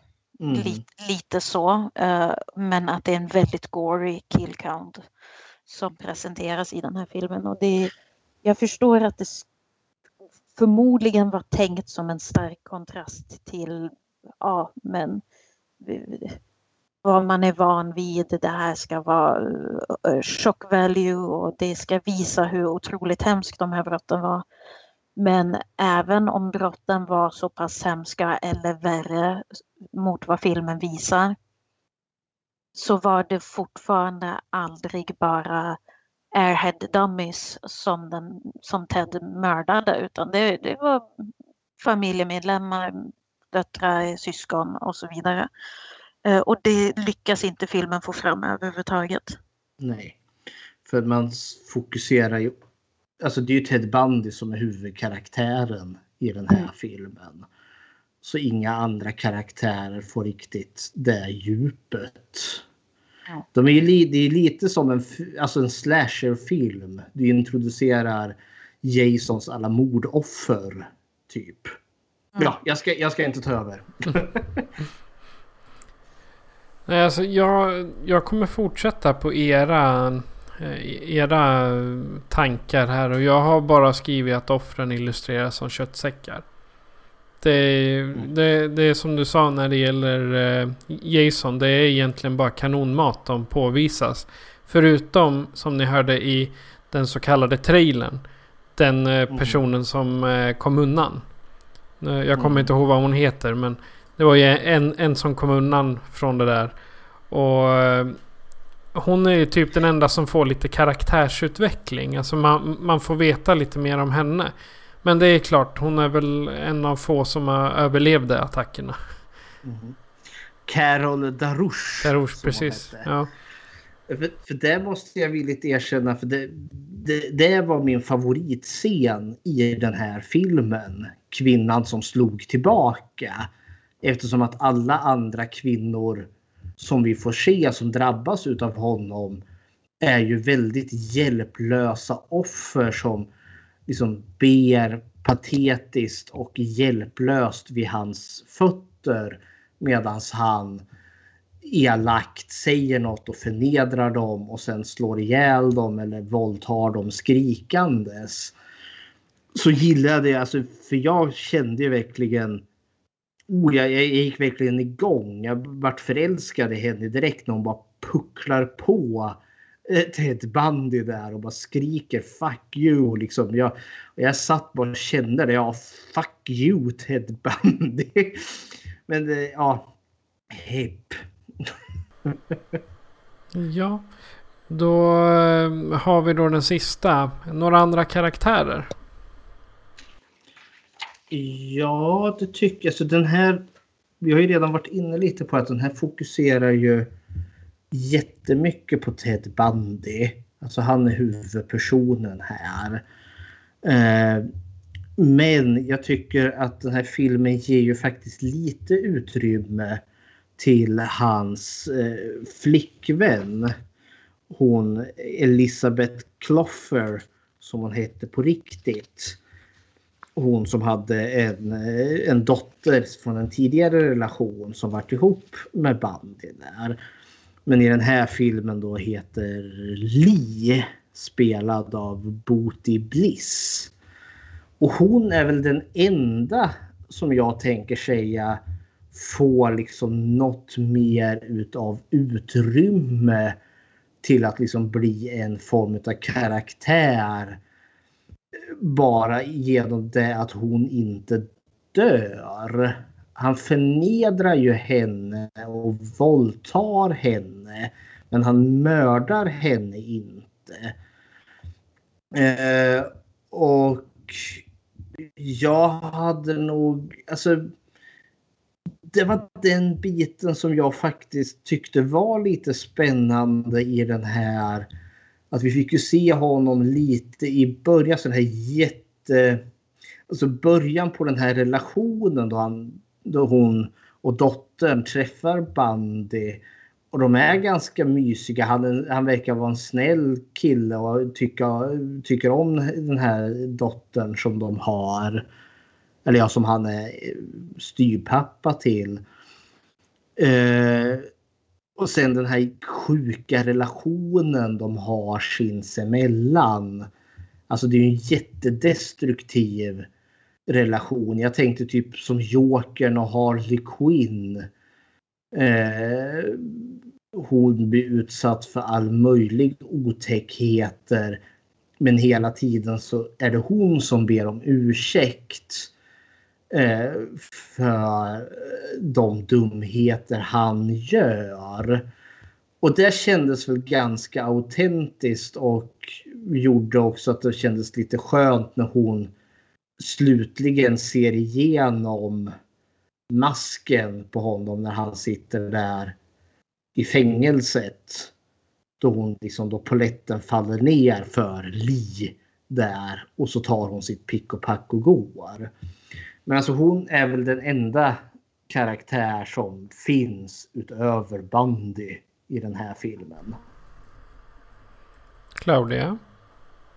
Mm. Ja, jag håller med om att hon, hon ändå får lite utrymme att bli någon slags karaktär. Um, det jag hade lite problem med är ju just den här att um, um, om man, om man uh, läser um, rättegångsdokument eller har jobbat med eller pratat med eh, personer som har blivit utsatta från sina partners speciellt när det har varit långvariga relationer, då är det så väldigt sällan så att man, man, som jag upplevde henne i filmen, att hon går på hans linje trots att hon lider av det utan paus och avbrott och utan att ifrågasätta det. Och sen plötsligt som Fredrik som du sa där att polletten trillade ner och plötsligt så inser hon att nej men nu får det vara klart. Det, det, det, känns som om hon är mer porträtterad som att hon inte kämpar med att försöka ta sig loss utan hon är lite mer framställd som en gnällig person som kanske eventuellt inte är nöjd med situationen. Mm. Um, men det kan, det kan ju hänga både på skådespeleriet, på manuset, eh, på ljudsättningen i filmen som är väldigt, väldigt udda. Eh, så det kan, det kan ju vara omständigheterna som får det att verka på det, här, på det här sättet. Det behöver inte nödvändigtvis vara skrivet med den meningen så. Sen tänker jag att alltså, hon hon känns inte riktigt skriven som en riktig karaktär. Alltså, mm. Och ändå så är hon det. Hon är ju en verklig person. Men hon känns verkligen skriven för filmen.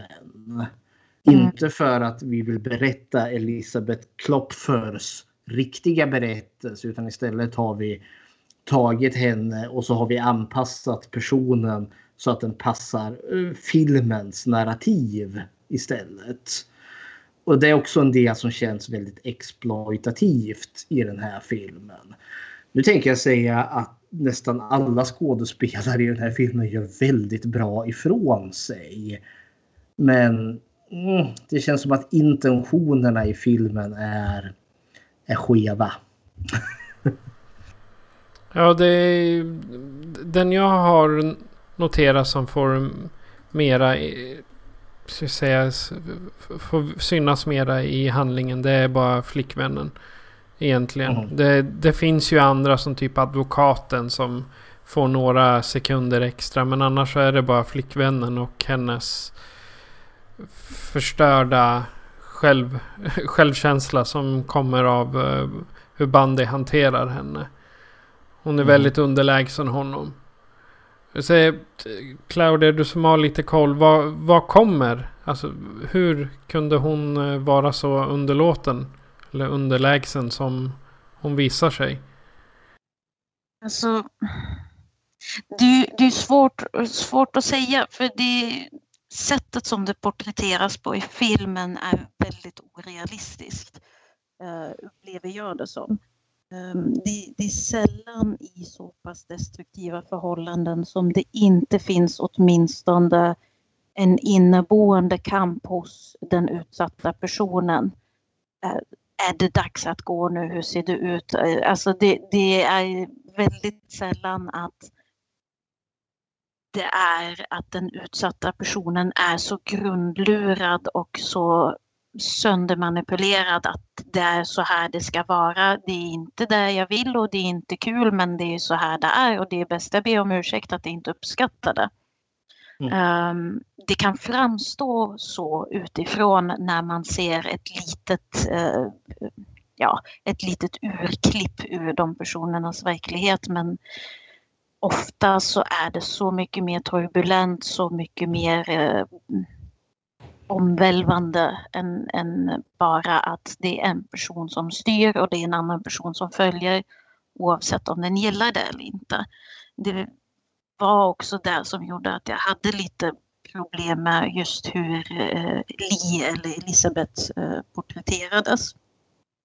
Eh, men eh, ofta så är det ju i, i destruktiva relationer så handlar det om en lång nedbrytningsprocess. Det är grodan som sätts i kallt vatten och mm. så ökar man temperaturen. Det börjar med att man eh, kanske börjar ifråga, det, det finns ju det här gaslighting. Och det börjar med att man kanske börjar ifrågasätta, jag vet gjorde du verkligen så här nu för att uh, du kanske är lite knäpp? Eller uh, är det kanske så att folk tycker illa om dig och det är bara jag som förstår hur du funkar? Uh, jättebra exempel är The Invisible Man som mm. släpptes ganska nyligen. och då kan man ändå manipulera in en person i ett hörn mer eller mindre där personen känner att den inte har så mycket val än att följa med i de här eh, svängningarna som den destruktiva parten i förhållandet har. Så det är en lång process med manipulation.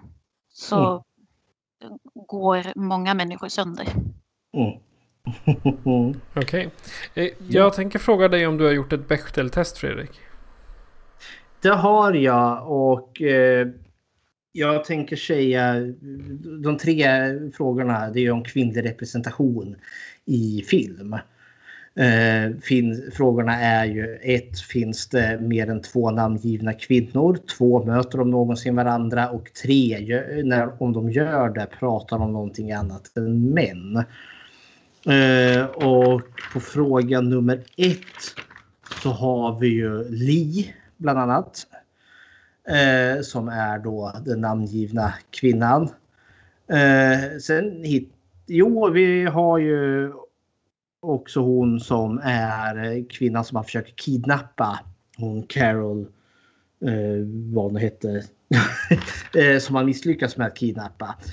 Eh, så det, fråga nummer ett klarar sig. Möter de någonsin varandra? Nej, det gör de inte. Så vi har inga namngivna kvinnor som möter varandra. Så då klarar den inte fråga nummer två eller tre. Så Ted Bundy från 2002 klarar inte Bechteltestet. Okej. Okay. Det var Ted Bundy från 2002. Så vi tar oss eh, vidare i seriemördarlistan till The Stranger Beside Me från 2003. Den är baserad på en bok med samma namn av Anne Rule.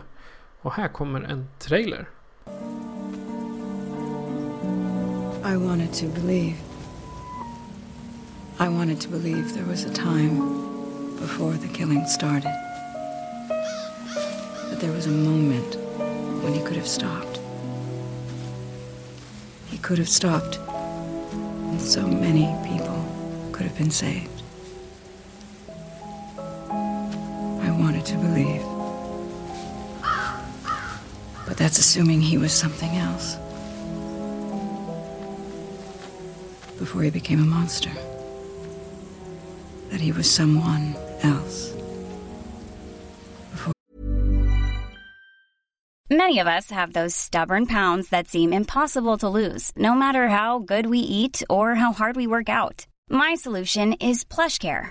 PlushCare is a leading telehealth provider with doctors who are there for you day and night to partner with you in your weight loss journey. They can prescribe FDA-approved weight loss medications like Wagovi and Zepbound for those who qualify. Plus, they accept most insurance plans. To get started, visit plushcare.com slash weight loss. That's plushcare.com slash weight loss. Hiring for your small business? If you're not looking for professionals on LinkedIn, you're looking in the wrong place. That's like looking for your car keys in a fish tank.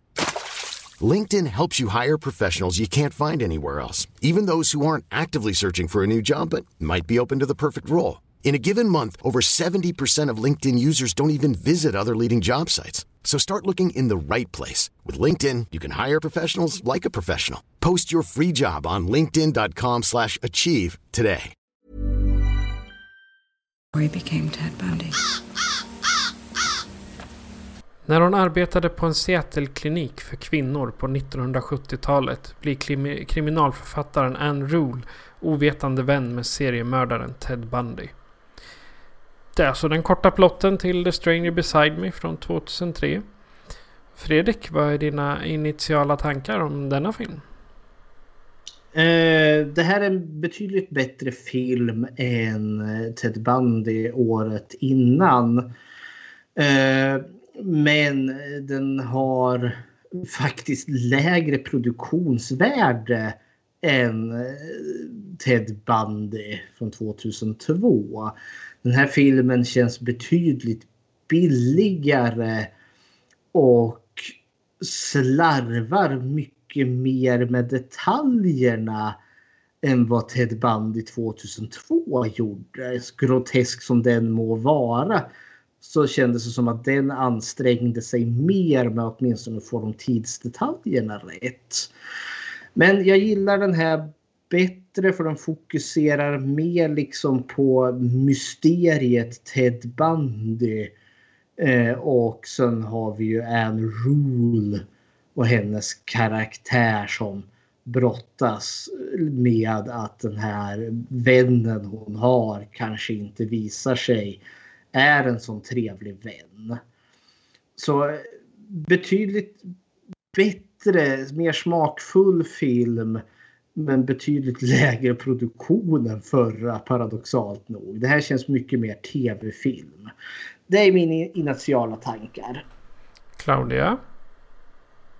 Ja, um, definitivt ett mer respektfullt sätt att berätta historien kring Ted Bundy på. Uh, men uh, skriven som ett uh, Law and Order avsnitt uh, med, med, lite förlängd uh, tid men en, en och en halv timme kanske inte så där jättemycket längre än ett sånt avsnitt.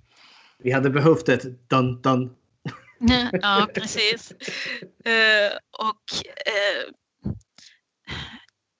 narrativt hur den här filmen berättas från Andrews perspektiv känns extremt mycket som om hon ber om ursäkt att hon nu tänker tjäna pengar på Tente Bandy. Det kändes väldigt lite som om det handlar om Eh, hur hemsk och makabert eh, historien är eller hur mycket hon lider kring att eh, hon är kompis med honom och mycket mer hur hon lider kring att hon faktiskt tänk, redan innan allt är klart tänker skriva en bok om honom och tänker tjäna pengar på det här.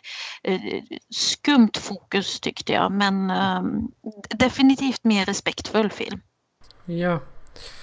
Ehm, jag tycker den här The Stranger Beside Me var lite som en, eh, upp, alltså som en upprepning av den första filmen. Även fast den är lite mera snäll om man jämför med eh, den, den, första filmen. Det är inte lika groteskt med alla morden. Även om morden finns där.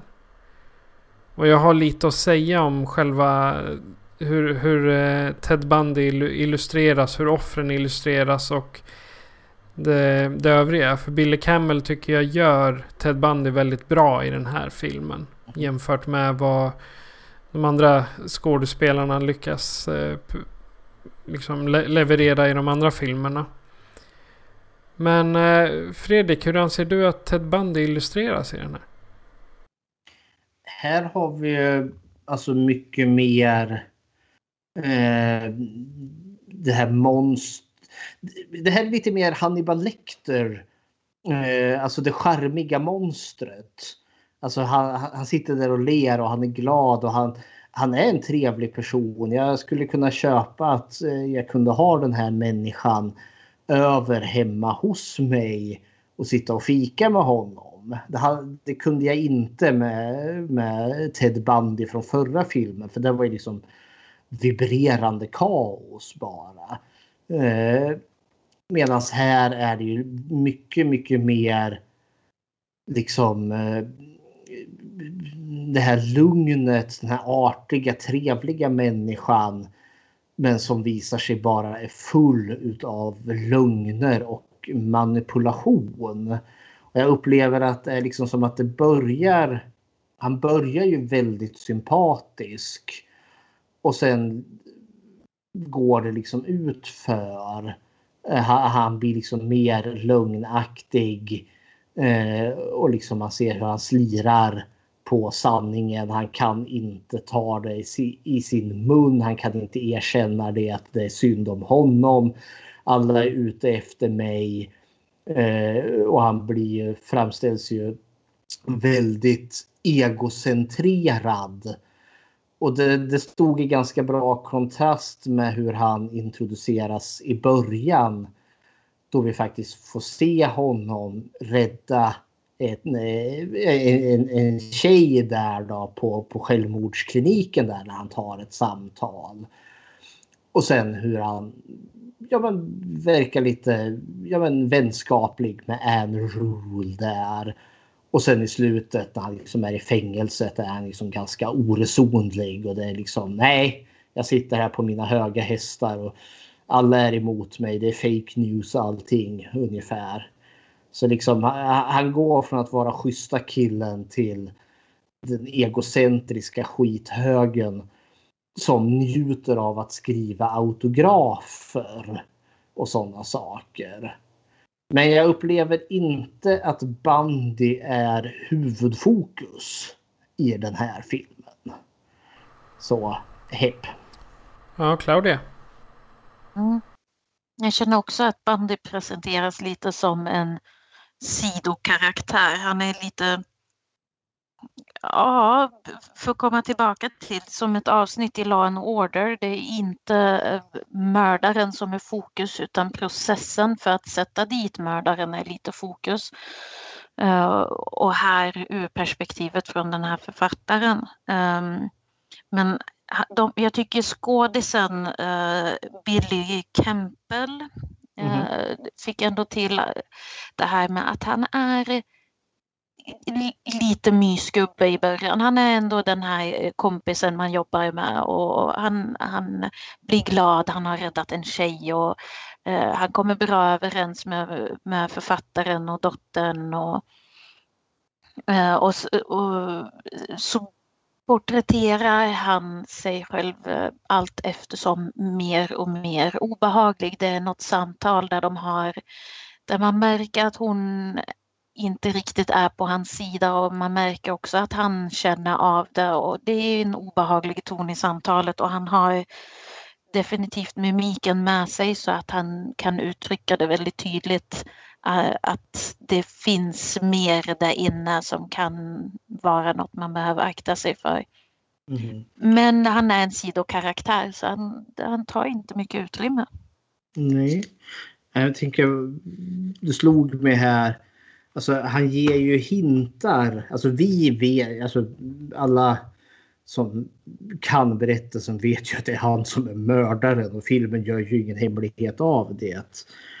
Men jag tänker liksom att eh, eh, mer än en gång trots att han förnekar det när man pratar om morden så verkar ju han liksom som att han är lite skrytsam över det. Jag skrev upp här liksom att, för det talas ju om de här morden i nyheterna.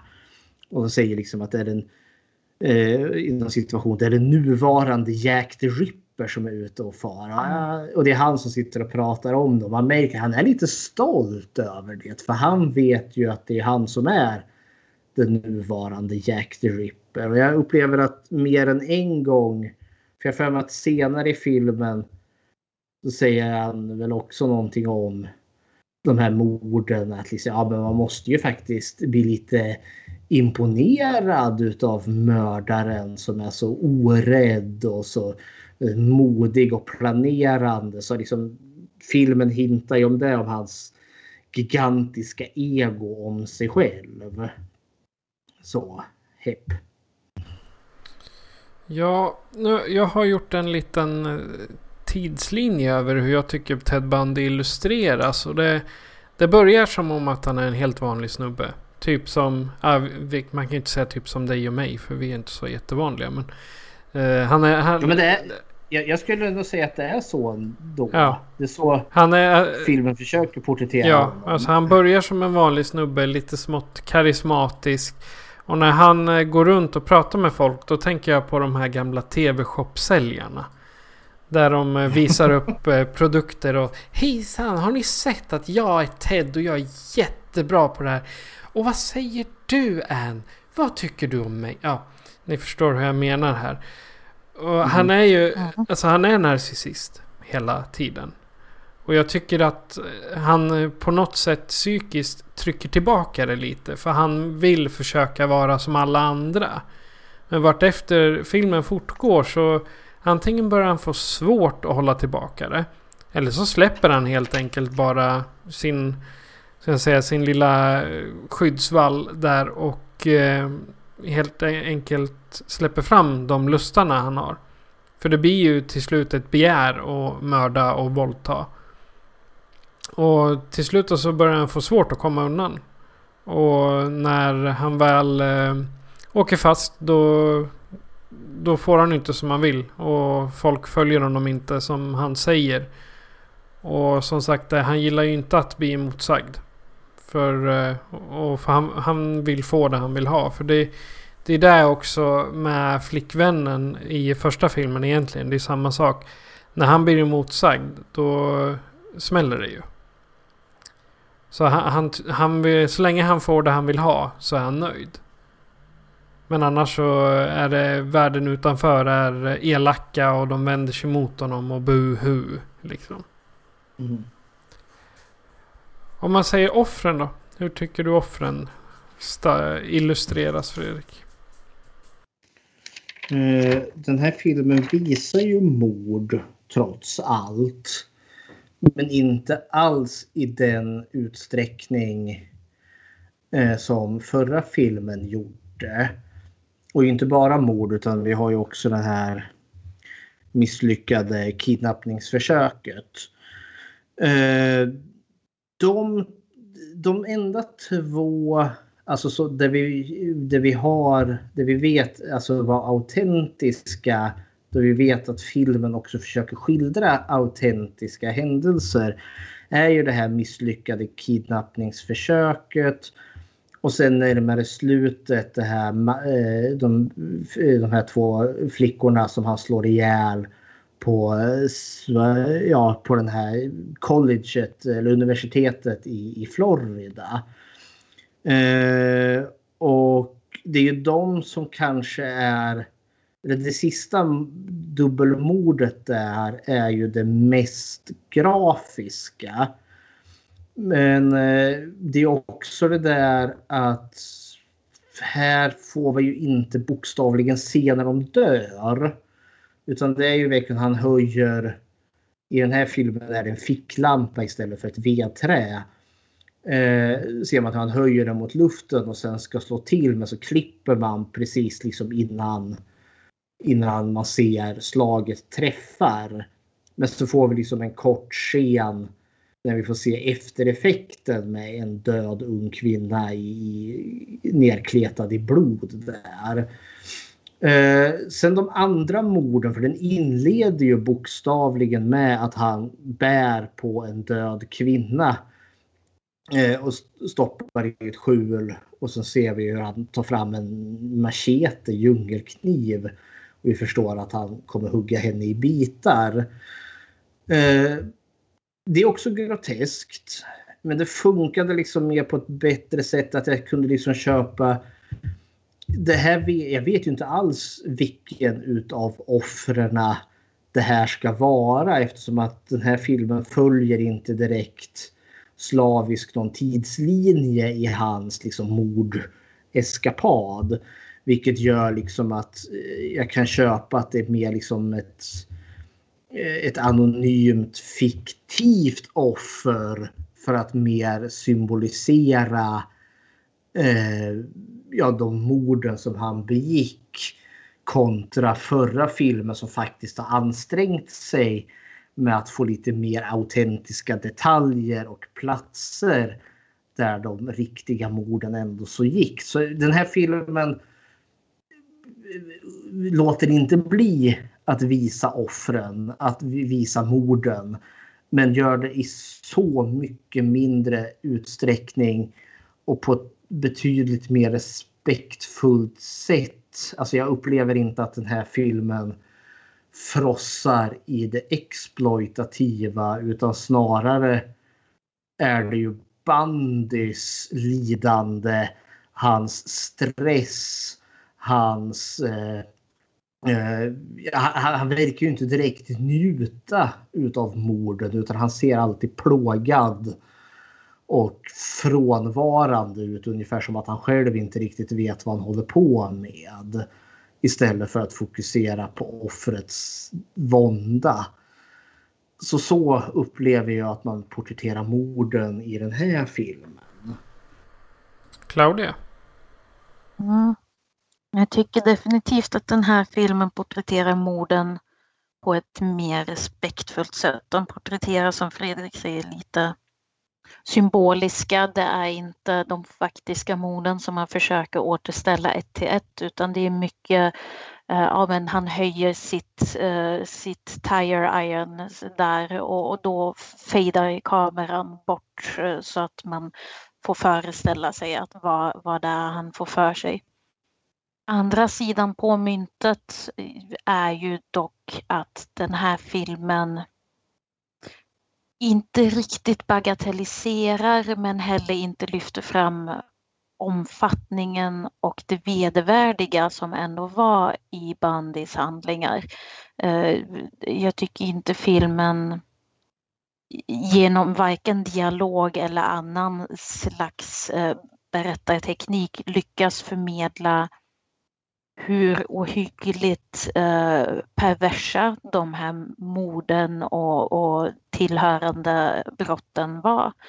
Eh, vid något tillfälle så visar de en, en, en fo ett foto på ett offer eh, där eh, Anne Rule försöker chocka sin dotter att hon inte ska hitchhika på vägen hem.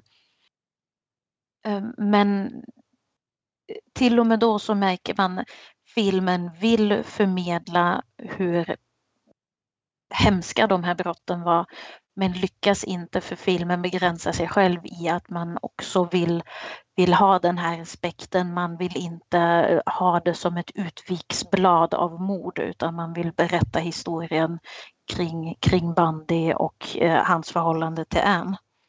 Så ja, eh, eh, ja, tvåeggat svärd där helt enkelt. Men definitivt mycket mer respektfullt och det tycker jag nästan har mer värde. För vill man veta de hemska detaljerna så det finns gott om saker man kan läsa på i efterhand om man blir intresserad.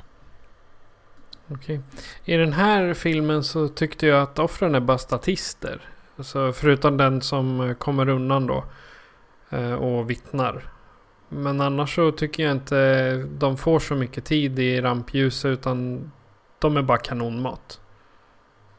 Det är, man vet ju inte så mycket om alla offer men det, de, de visar inte lika, desa, lika det, detaljerat som i Ted Bundy. Att, hur det går till och vad han gör och, och så vidare. Det är vad jag tycker om eh, offren. Sen är det ju groteska handlingar han gör och även om det inte är i, i den här filmen så visar de dem inte grafiskt utan de lämnar det mera till ska jag säga, fantasin egentligen. Om jag, om jag uttrycker mig rätt där. Vi, vi vet att han har gjort en, eh, en massa mord, att han har varit... Ja, det, han har gjort det inte snällt. Han har varit en riktig skit. Och de orden vi inte får se, de kan vi egentligen bara fantisera om vad han egentligen gjorde. För i, i Ted Bundy, i den eh, förra filmen vi pratade om, då ser man ju bokstavligt talat hur han gör. Och hans eh, grova övergrepp och, och sådär. I, I den här filmen så visas det inte lika mycket och det visas garanterat inte lika detaljerat. Jag tror det här som du säger att uh, offren bara är statister och kanonmat. Det var det ju lite samma i den förra filmen i Ted Bundy från 2002 också. Men i den här filmen känner jag att det fyller sitt syfte att de är namnlösa statister just eftersom offren inte är ett och ett tagna från hans eh, mordlista utan offren blir lite mer symboliska. Ja, men han snodde eh, eh, en tjej från en biograf eller en spelning eller något sånt för att visa att ja, men jag kan Eh, kidnappa folk trots att det är andra i närheten. Eh, så jag tycker det fyller sitt syfte här. Det är inte bara att man har varit lat i att skriva karaktärer. Sen tror jag också att man, för den här känns väldigt tv-film. Och jag tror det är en tv-film också. Eh, och man ska komma ihåg att tv och film har liksom haft olika kriterier för vad man får visa rent censurmässigt i Amerika. För Ted Bundy, den hade biorelease. Nu tror jag inte den var så vida stor, men det var alltså en biofilm gjord. Då. Kanske tänkt för någon filmgala någonstans. Medan The Stranger Besides Me är verkligen gjord för att visas på tv. Och då är de ganska begränsade i vad man får visa våldsmässigt på den här tiden. För nu tänker man tv idag, då är det typ Game of Thrones. Och där är det ju ingen censur alls. Där är det ju verkligen blod och naket. Så det har hänt ganska mycket. Men samtidigt, den här är ju inte fokuset på på Bandy och hans mord. Utan vi kanske ska gå över till den sista kategorin. Andra karaktärer som har mer fokus. För det är ju det här är ju en Rules berättelse.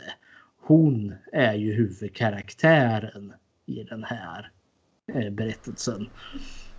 Vilken snygg övergång jag fick där. Jättesnygg. Så jag, jag låter dig fortsätta. Ja. Eh, du var inne lite på det Claudia i de initiala tankarna att det här, det här känns lite som Ann Rules. Eh, Woe is my name. Stackars mig som behövde göra eh, behövde brottas med att skriva den här boken och bli en känd kriminalförfattare eh, och få framgångar eh, på grund av min erfarenhet med eh, bandy och allt det här.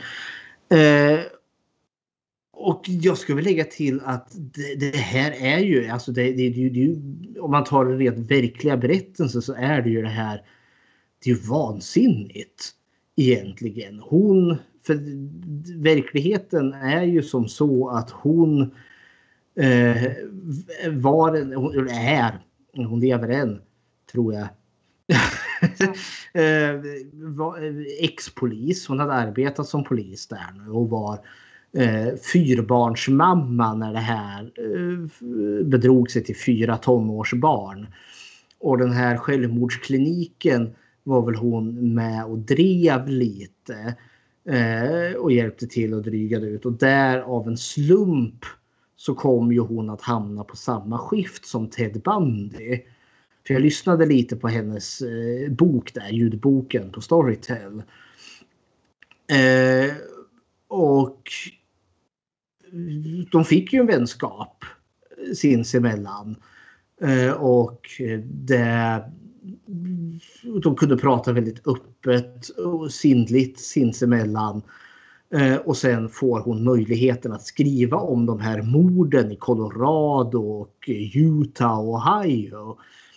Eh, eftersom att hon är ju faktiskt som någon form av rådgivare till polisen. Någon form av profilerare till dem. Och så får hon då i uppdrag, för hon skriver så små deckarnoveller till någon sån här slasktidning så, som hon kan dryga ut. Eh, och det här ska ju bli hennes stora möjlighet att kunna bli en stor kriminalförfattare. Så hon skriver på kontraktet och påbörjar den här boken. Och sen grips ju han och alla liksom misstankar börjar riktas mot honom att det är han som är skyldig, Ted Bundy som är skyldig. Så det, jag, jag måste ju förstå liksom att det måste ju varit surrealistiskt att vara en rule och veta att den här boken som jag påbörjade som jag har sett att och pratat med min vän Ted Bundy om som har varit väldigt intresserad över hur det går i skrivandet av den här boken. Att det visar sig att det är han som är mördaren det är ju det är absurt. Det är som hämtat ur en film. Men det här var verkligheten. Eh, och grejen är att jag känner att eh, den här filmen skulle ha varit så mycket bättre om den kanske hade fokuserat på just den här brottningen som hon hade. Som jag kan förstå att hon hade och det surrealistiska kring det här. Men alltså hela den bizarra situation hon hamnar i. Istället känns det lite som att det blir en form av ursäkt. Och lite som att ja, men, eh, hon kan se igenom hans skitsnack. Eh, och liksom få någon form av upprättelse. Och hon kan ju liksom lämna honom där i, i fängelset i slutet när han har liksom sin eh, sin lögnharang över hur jävla oskyldig han är. Hon får tillbaka sin heder och eh, tar sin kappa och lämnar honom där i fängelsecellen.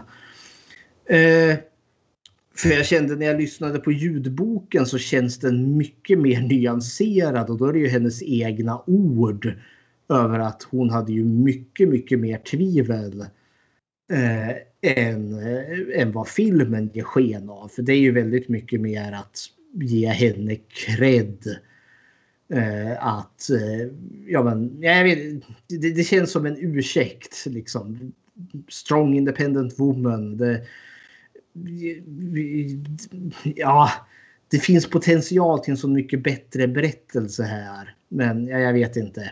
Det, hon är ju huvudpersonen men den känns som att det verkligen är skrivet som en form av ja, förhärligande, ursäktande utav hennes gärning. Har, har jag rört till det nu bortom vett och sans? Nej då. ja, hepp. Ja, så, som du säger, alltså det är eh, boken har jag inte läst eh, så jag kan bara uttala mig om filmen. Och filmen är verkligen ett förhärligande av Anne Rule, den, eh, eh, den coola före detta snuten i den här situationen som i, i filmen spelar en sån viktig roll i hela law and order dramat kring att fånga den här boven som är ute och mördar folk. Eh, och hur hon eh, egentligen visste från första början redan fast ändå inte. Eh, och jag tror att det, det faller tillbaka till, eh, till ett skapligt billigt manus. Jag misstänker att boken inte är så här eh, platt skriven. Men samtidigt så, ja, man får ju tänka på publiken den var tänkt till och man får väl kanske tänka lite på vilken budget den hade att jobba med. Eh, någon rewrite eh, halvvägs genom filmen tvivlar jag på att det var på världskartan där. Eh, men just Anne Rule. Ehm, hon, hon slåss lika mycket med demonerna kring att hon kommer eh, tjäna pengar på sin kompis eh, fängslande som hon slåss med demonerna att hennes kompis har mördat folk och det kändes eh, lite otrovärdigt för mig. Tidsmässigt så pratar hon lika mycket om hur hemskt det är att hon ska sälja den här boken och tjäna pengar på den här boken. Som hon pratar om att hon lämnade sin dotter ensam med en seriemördare. Mhm. Och det är väl lite, lite i ögonfallande. Men eh, ja, det, det är ju hon som mer eller mindre är fokus i filmen och den största karaktären i filmen egentligen. Hon- hon känns väldigt platt. Alltså hon känns inte som en tredimensionell karaktär. Ted Mm. Bundy känns mer som en tredimensionell karaktär i den här filmen. Alltså Anne Rule känns mycket mer tillrättalagd. Och jag vet inte om det är liksom på grund som du säger dåligt manusförfattande eller för att Anne Rule själv var där inne och tyckte och tänkte det att hon ska ju liksom porträtteras på något vis och vänster. Bandy var ju död vid det här laget så han kunde de ju porträttera så bäst de ville. Men ja, nej, mm, nej, nej. Nu har ju ni sagt det mesta som jag tänkte faktiskt. För I stort sett var, varje punkt jag hade skrivit i, i min, lilla, min lilla lapp här, det, det har ni tagit upp. Era skurkar. Great minds think alike. Ja, exakt. Men, men vad, vad jag kan tänka i den här filmen är att hon är lite mera... Hon är inte lika under... Eh, underställd, eller vad man ska säga. Hon port- porträtteras inte som att hon är så nedbruten som i första Hon är inte filmen. med i första filmen alls. Nej, ursäkta. Nu, jag, nu blandar jag ihop dem. Ha, ha, ha. Nej. Ah, ja. Ja, men alltså, det är ju, hon är ju den, hon köper ju inte hans skitsnack efter Nej. ett tag.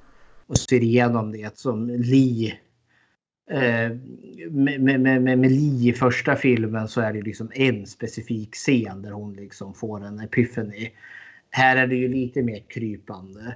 Och den här filmen har ju lite mer karaktär. Vi har ju hennes dotter får ju lite mer utrymme och sen Anne Rules typ, eh, vad heter han, ja, kriminalkollega får ju lite mer, alltså det finns lite mer karaktärer i den här filmen. Men de är inte lika, de är inte lika utstickande som eh, man skulle vilja ha om man skulle ha flera karaktärer. Och Nej, gå in men- på djupet så att säga. Nej, men det finns karaktärer i alla fall. Betydligt mer än vad det gör i Ted Bundy från 2002. Ja. Har du gjort några Bechteltest på den här då? Ja, det har jag. Eh, och vi har ju en Rule själv i den här filmen. Vi har hennes dotter Leslie. Eh, och så har vi eh, Ted Bundys flickvän i den här då som heter Margaret. Och det är då Lees karaktär från filmen innan. Eh, vi, den här är den enda filmen som tar upp hans eh, första flickvän, hon som dumpade honom. Hon heter Victoria i den här filmen. Eh, och alla de här karaktärerna möter Anne Rule i alla fall. Och de pratar med varandra. Men de pratar om Ted Bundy. Så då pratar de ju om män. Så jag, hade, så jag tänkte att det här skiter sig. Men så fick vi ju den här scenen mellan Anne Rule och hennes dotter. Eh, när eh, Anne Rule skrämmer dottern med att visa det här offret. För dottern vill ut och lifta. Och Bandy plockade ju upp liftare. Och då för att skrämma dottern så visar hon ju. Så då, då pratar de ju liksom om den här flickan som dog. Så där pratar de faktiskt inte om någon man. Även om det är införstått att det finns en man som ett hot där. Men då tycker jag att vi lyckas ta oss över alla tre gränser. Så the, the stranger besides me klarar Bechdel-testet. Yay! Yay. Okej. Det var Stranger Beside Me. Så vidare till sista filmen för idag. Nu ska vi se så jag säger rätt. Extremely Wicked, Shocking, Evil and Vile från 2019 på Netflix.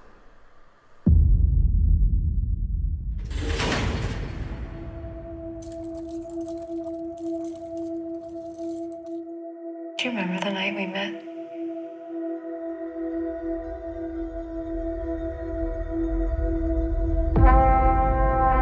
Ladies and gentlemen of the jury, you have been witness to the unspeakable horrors of the defendant's heinous crimes.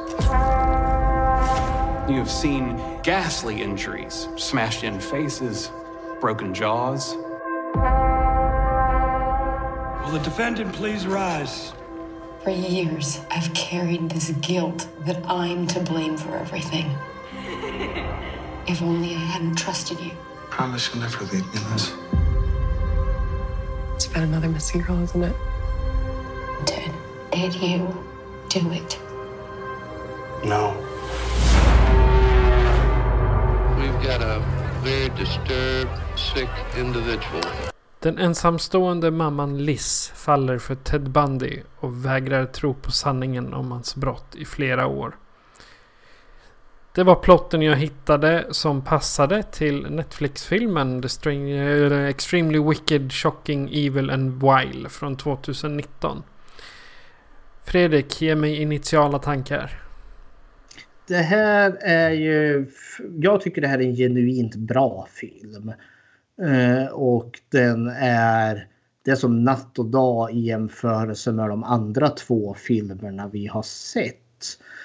Eh, plus också att den här känns som att den har genuint produktions... Eller production value eller vad man nu säger.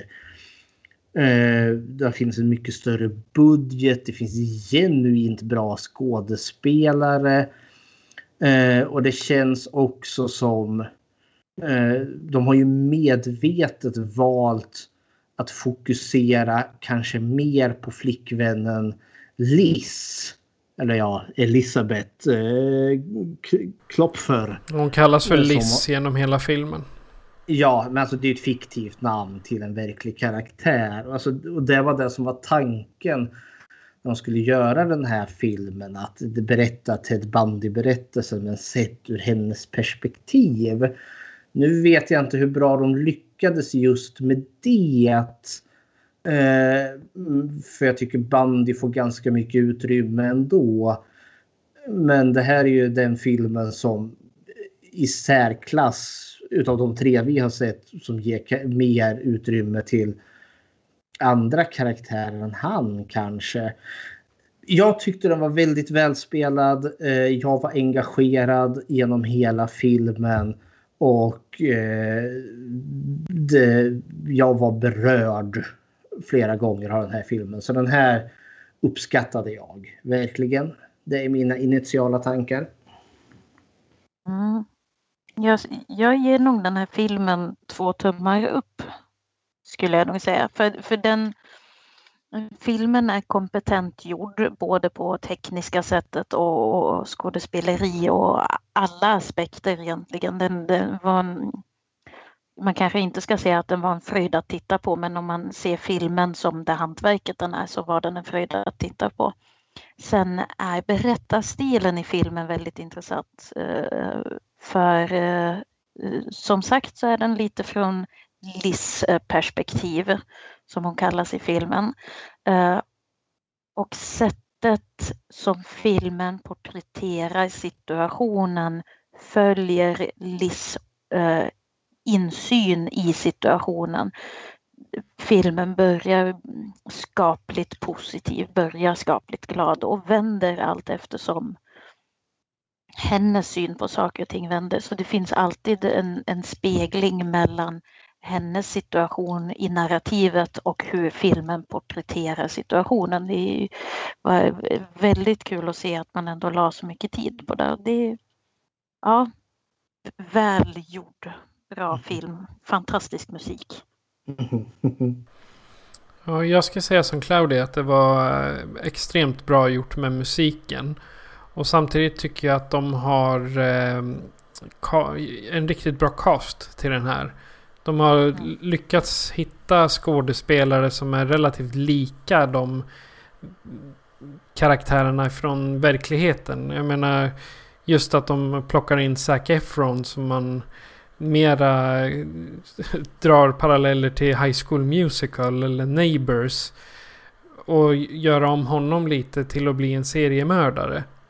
Det, jag tycker de lyckades väldigt bra där. Och sen gillar jag att Sheldon är åklagare. Det måste jag Ja. säga. det, det, det, var, det, var en, det, det var inget komiskt element men jag tycker det är kul att se att han har en bredare spektrum än att bara spela eh, i... Eh, vad blir det? How, inte How I Met Your Mother men... Eh, ja, Big Bang Theory. Precis, Big Bang Theory. Och jag, ja men den här, den, det var nog den bästa utav eh, alla av filmerna som vi har sett. Och det är väl kanske att de har haft en 17 år på sig och fundera varför de där två andra filmerna inte var så bra. Det är min tanke. Och vad tycker du om Ted Bundy i sig Fredrik? Alltså den här filmen eh, är ju den som... Här får vi ju inte se monstret Bandy. Eh, som vi har fått gjort i de andra två filmerna. Eh, och ändå så får vi, se- vi får se ett annat typ utav monster här. För han är ju verkligen jättecharmig i den här filmen. Vi har inte han som skriker och vrålar. Vi har inga våldtäkter. Vi har inga eh, grafiska attacker. Eh, utan istället har vi en väldigt samlad och väldigt manipulativ. Alltså jag tycker Zac Efron som gör Bandy lyckas med det här. Alltså han ska, alltså Bandy i den här har någon sån märklig dualitet. Eh, att jag liksom känner att jag litar inte på honom. I något, i något skeende utav filmen. Men jag vet inte vart jag har honom.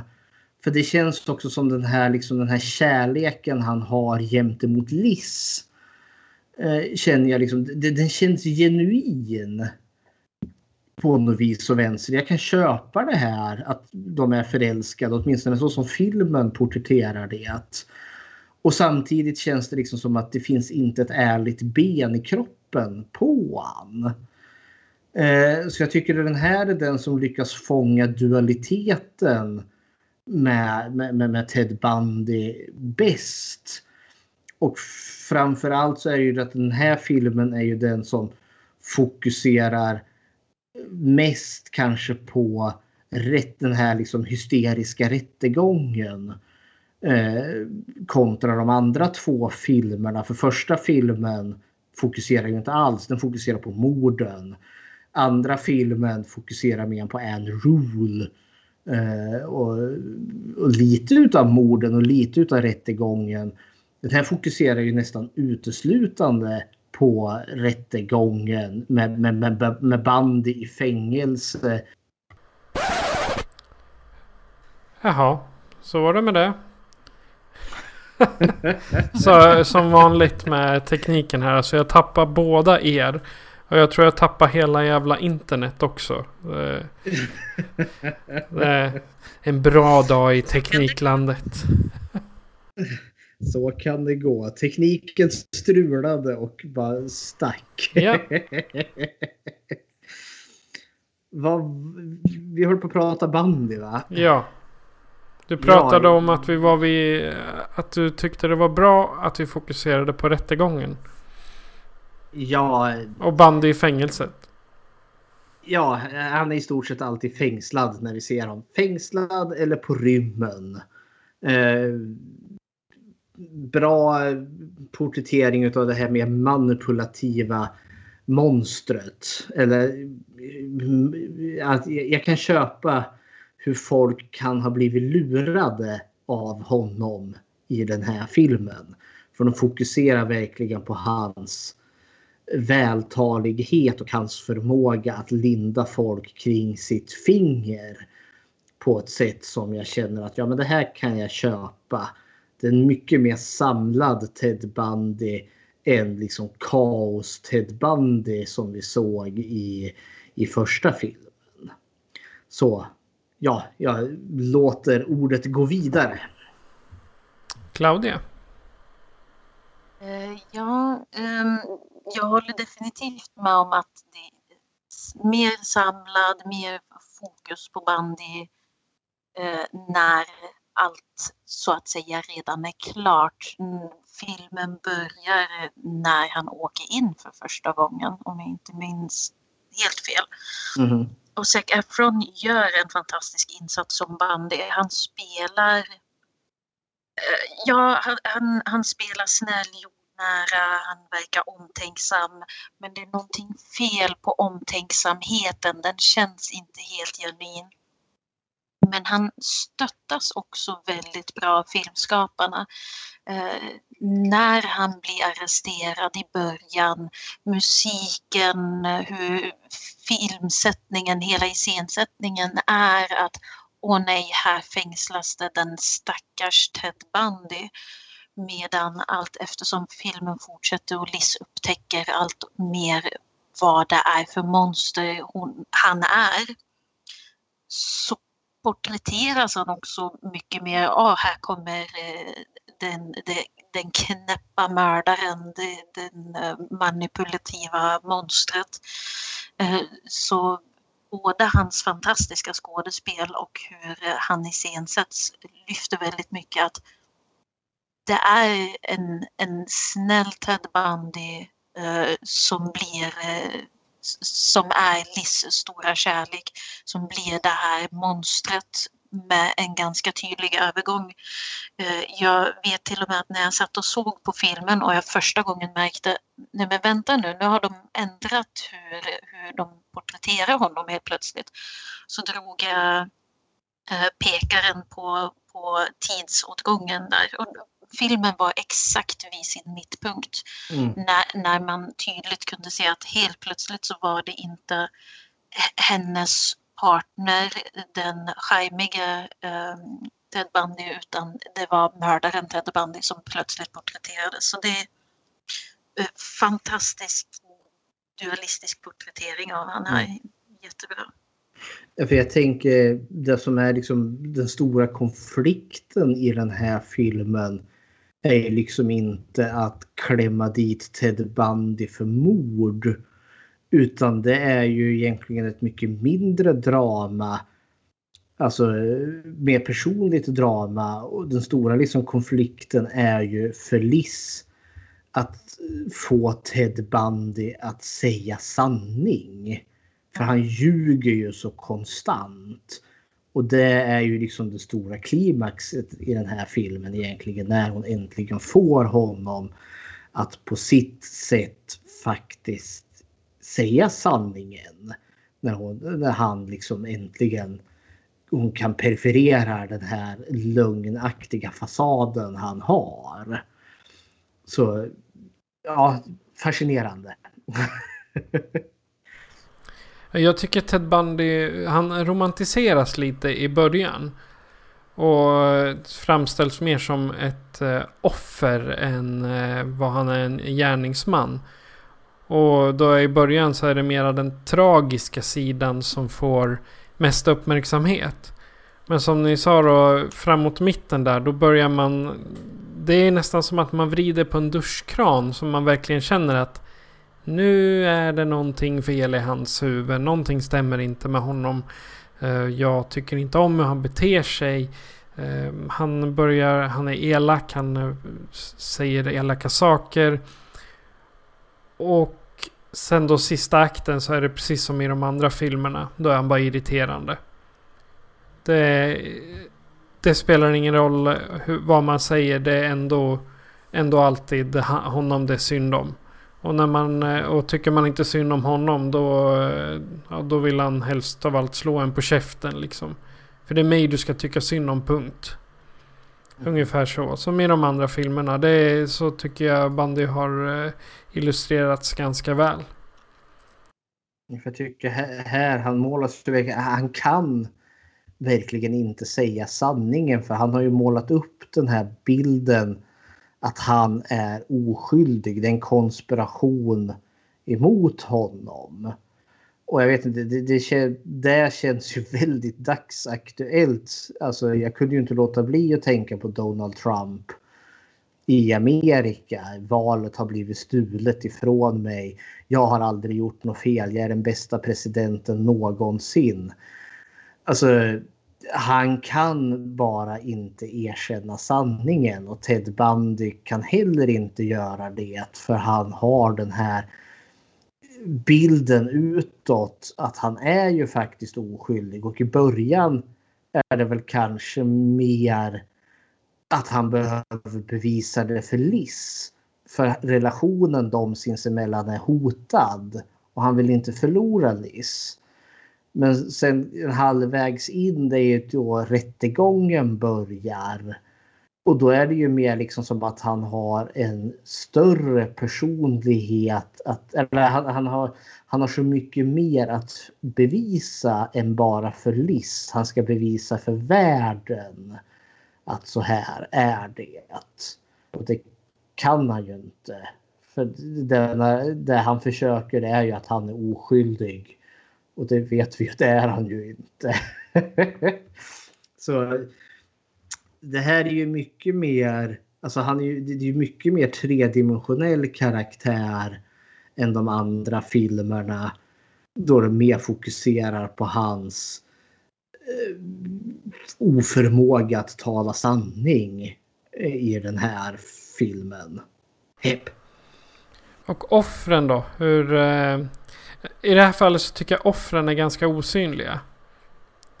Ja, alltså den här filmen eh, har ju verkligen placerat offren i periferin. Alltså här talas det ju bara om morden.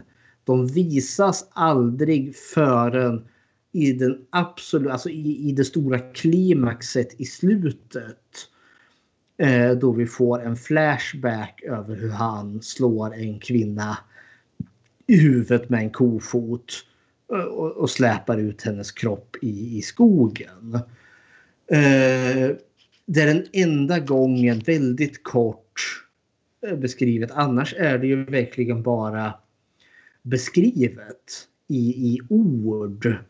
Eh, och där tyckte jag väl var ganska effektfullt för att de gånger det beskrivs, det är ju i rättegången när Sheldon beskriver brotten exempelvis så får vi liksom radio eller tv-klipp som är autentiska. Alltså vi har autentiska röster. Och det beskrivs ju i väldigt grafisk detalj vad som har hänt och hur de här kvinnorna har skändats och eh, plågats. Men det visas ingenting utan vi får det bara till oss i, i ord. Så den här är ju den som minst grottar ner sig i, i våldet. Ja, hepp. ja, och jag tycker filmen grottar ner sig den, den lilla stunden den grottar ner sig i våldet och de stunderna den avlägsnar sig från våldet känns väldigt planerade i filmen. Mm. För jag hade också antecknat för mig själv att morden diskuteras alla after the fact. Det är eh, de här nyheterna man får höra eh, och så är det i rättegången som Jim Parsons, som Sheldon heter, mm där han har sitt slutord eh, i upp till det här slutordet som, för han är ju åklagare åt Florida och då ska han ju hålla det här avslutande talet. Eh, jag undrar om det var hans slutord eller om det var i korsförhöret med Bundy. Men eh, där är det att man har byggt upp till det här att det, det lyfts mer och mer detaljer från morden. Det börjar med att ja, men det är folk som har försvunnit. Nej, det är tjejer som har mördats.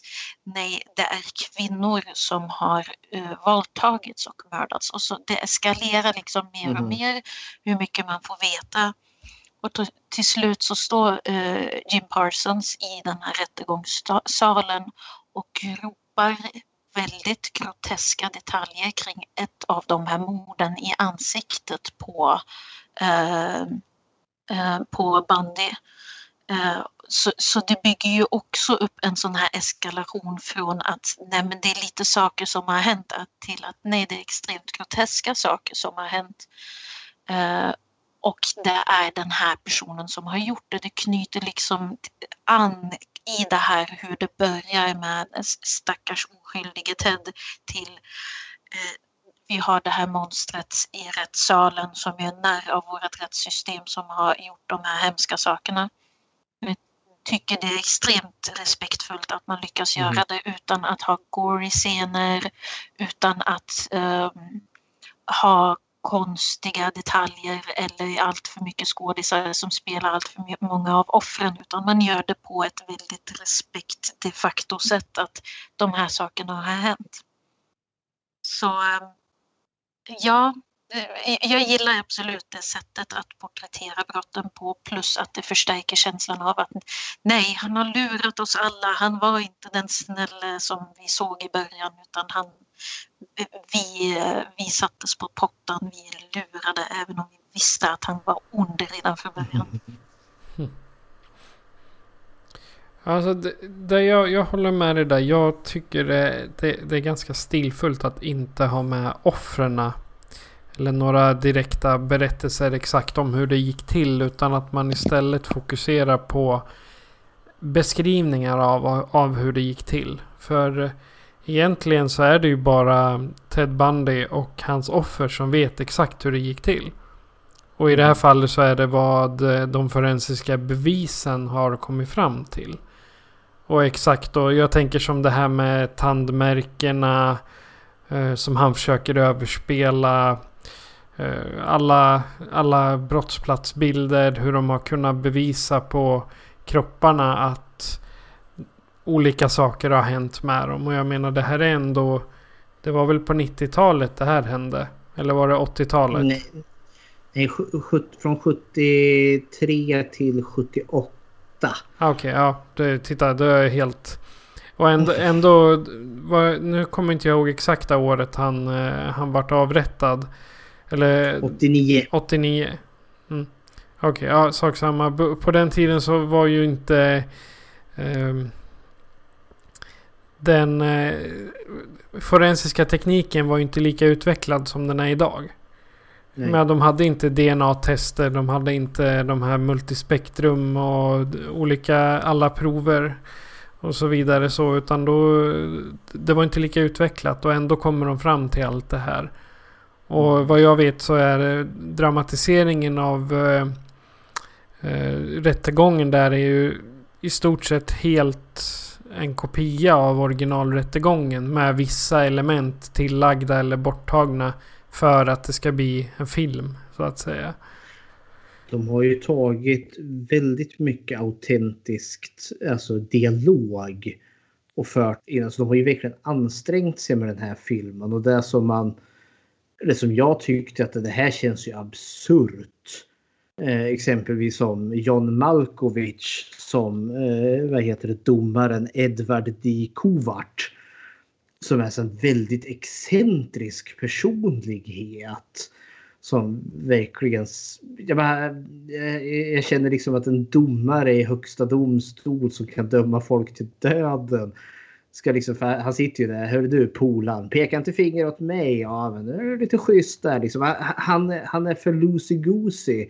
Och så får man ju bokstavligen se klipp. För det här var ju en film, alltså den tv-sändes ju.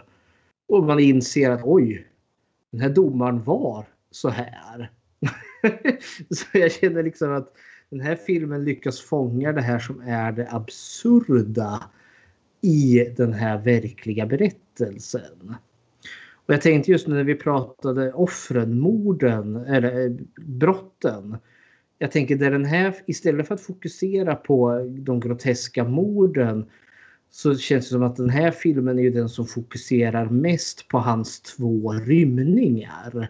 Det blir ju egentligen de gånger han bryter mot lagen. Så att säga som filmen spenderar mest tid med att se hur han planerar sin flykt. För att sen då liksom hävda sin oskuld. Att även han är ju helt oskyldig och liksom bla bla bla bla bla. Liksom att det får bli den här kontrasten. Liksom, att han är inte så jäkla oskyldig. Han är ju så skyldig som bara den. Men istället för att liksom visa honom mörda skrikande kvinnor så har vi de här gånger han rymmer istället. Och en tanke som ploppar upp i mitt huvud precis här och nu. Men hans, eh, hans beteende i... Som han beter sig i, i rättssalen här. Eh, jag frågar dig Claudia. Vad skulle man eh, sätta för...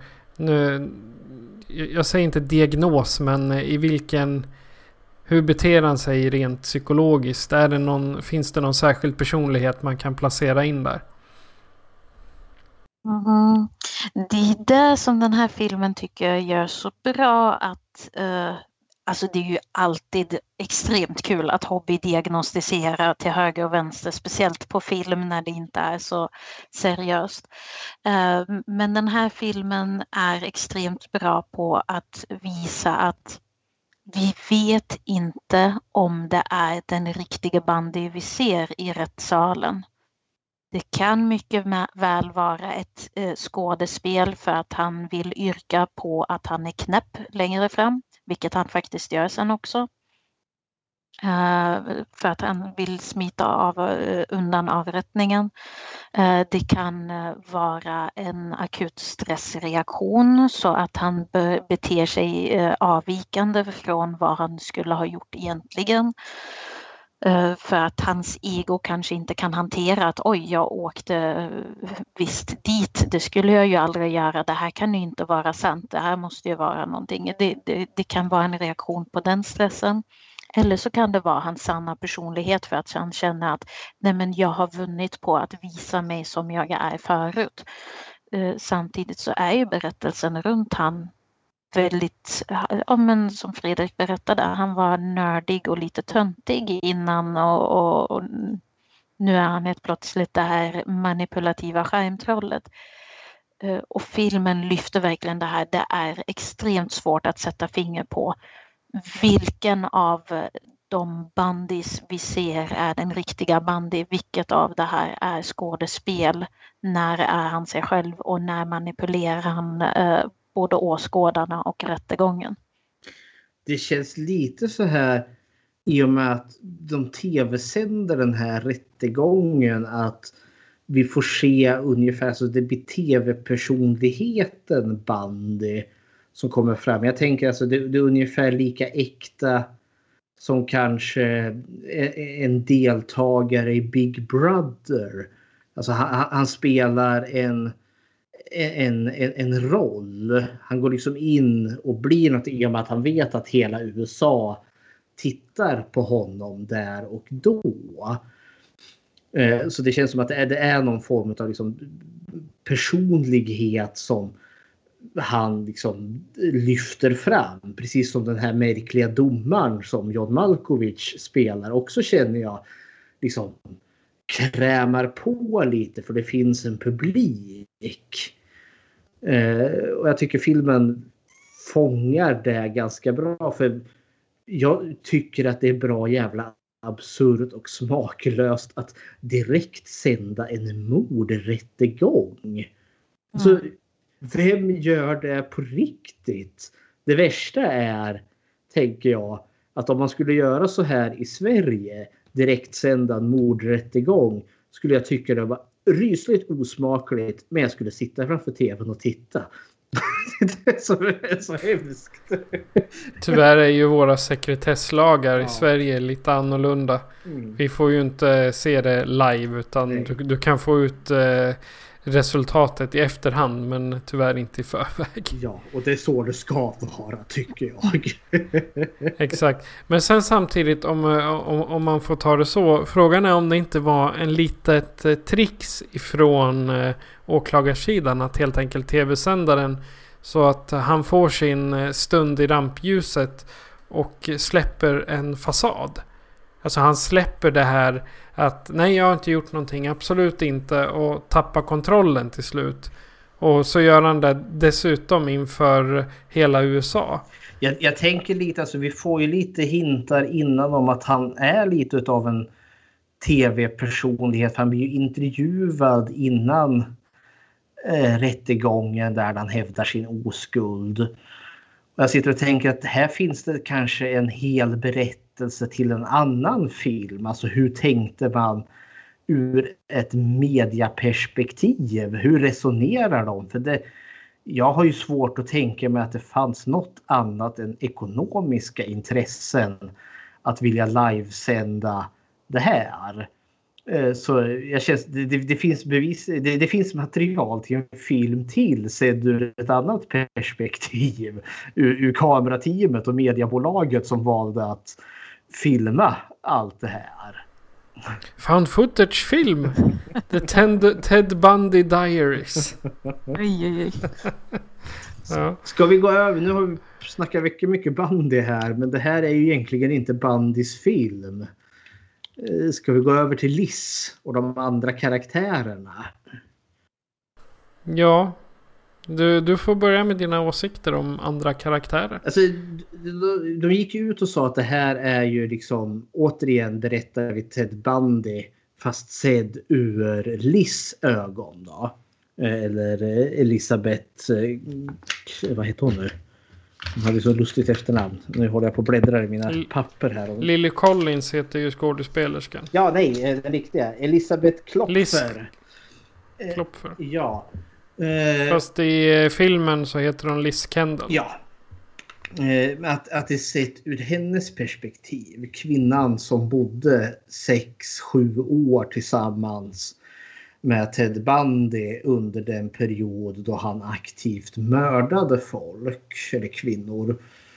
Eh, och eh, det här är ju den filmen som lyfter kanske mest andra karaktärer en, en bandy själv.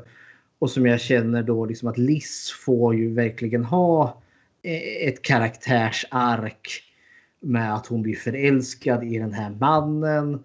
Eh, sen brottas hon stenhårt med att kan hon verkligen tro på det här?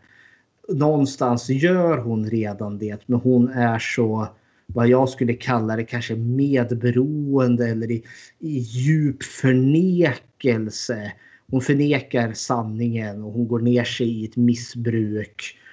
Och så kommer hon ut ur det hela eh, och blir en stark alltså, person.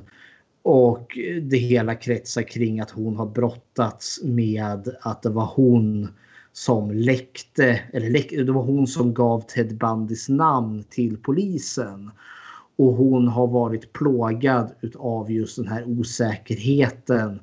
Är han verkligen skyldig eller inte? Och jag tycker det är en ganska bra alltså storyline. Men som filmskaparna sa här att de skulle filma den utifrån hennes perspektiv. Så hade jag önskat så mycket mer av henne. För Bandy blir väldigt front and center i den här filmen.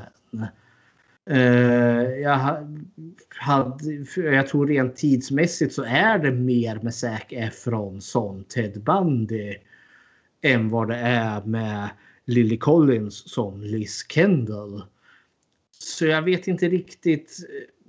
Jag tycker att man har inte riktigt lyckats även om jag gillar det, det, det jag ser men jag vill ha mer av det. För, för jag gillar karaktären och jag, framför allt så gillar jag hennes karaktär, eh, hennes två vänkaraktärer. Joanna eller Joanne och Jerry. eh, som kommer in som hennes vänner i den här jättetuffa perioden.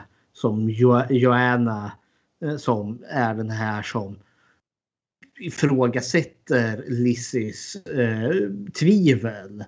När hon säger att bandy måste vara oskyldig. Ja, men, så kontrar ju hon liksom hela tiden. Ja, han är faktiskt dömd för kidnappning.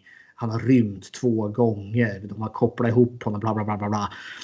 Att hon är väldigt liksom, så här, tuff vänskap. Hon, hon, räds inte att eh, ta fighten med Liz. Men eh, Joanna är inte hon syster till Liz?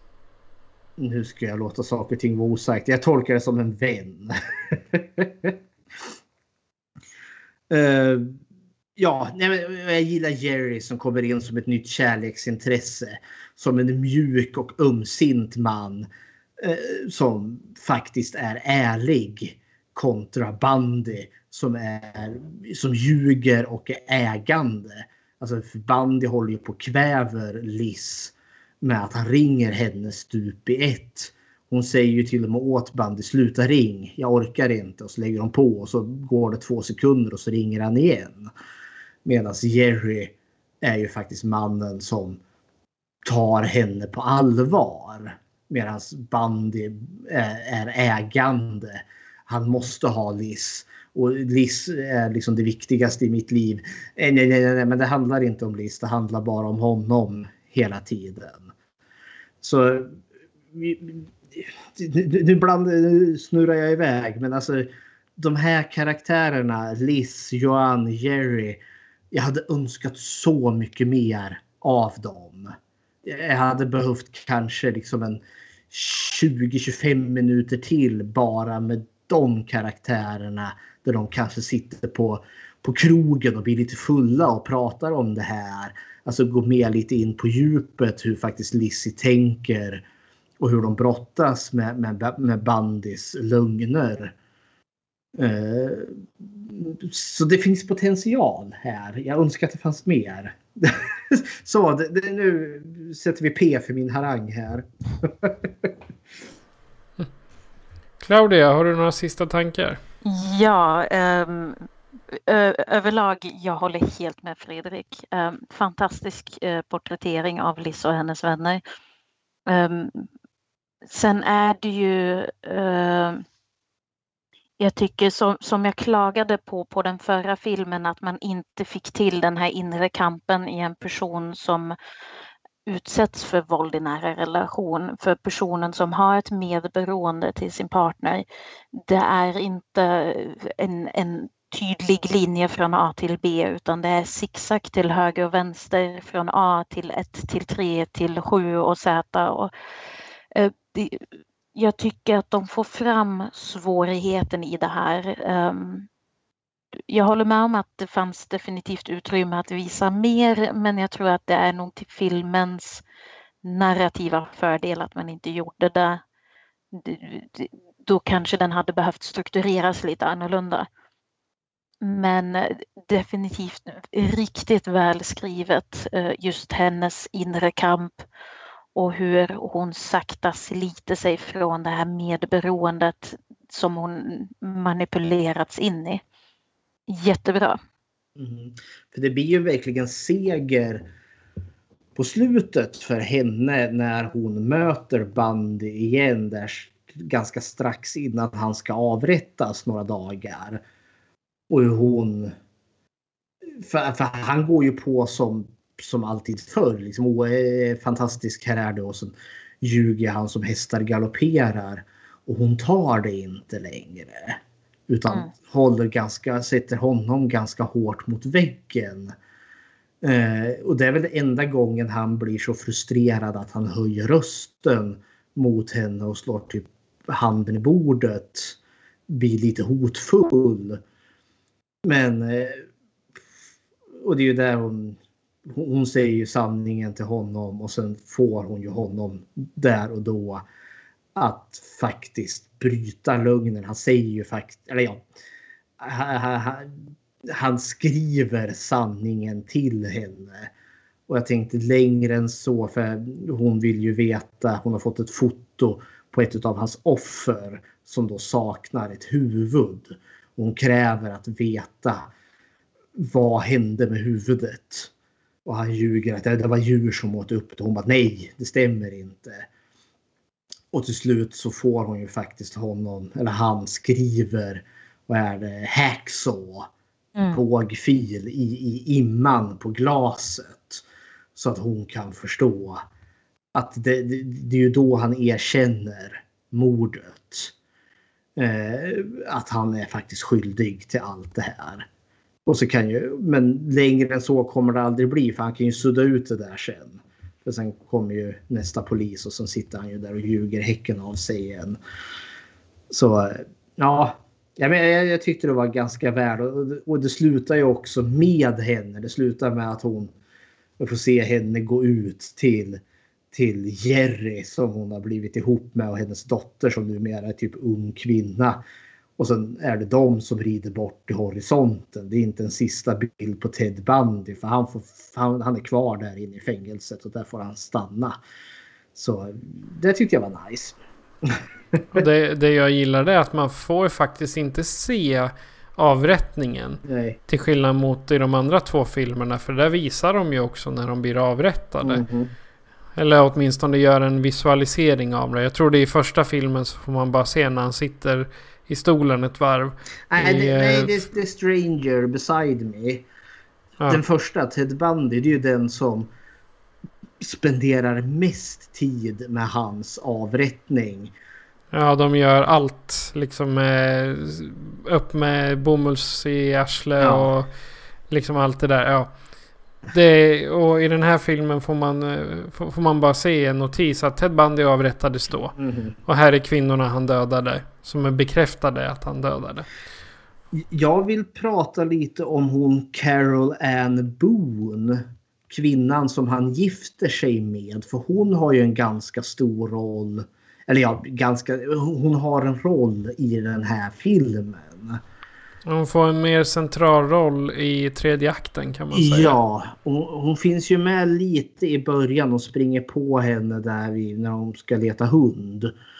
Eh, eh, bara sådär apropå. Och sen kommer hon ju tillbaka sen. Och hon fungerar ju... Alltså hon är ju på andra sidan nu. Där Lizzie kämpar med, med, med sitt tvivel. Där hon kanske egentligen vet att Bandy är vad han egentligen är så har ju Caroline Boone köpt det. Med, alltså hon, hon har ju svalt eh, krok, hull och eh, vad brukar man säga, mask, krok och hull och allt. Alltså hon, hon, är ju totalt manipulerad och i klorna på, på, på, på bandy. Uh, och jag upplevde att när jag såg den här att man ändå så har porträtterat så att jag har sympati.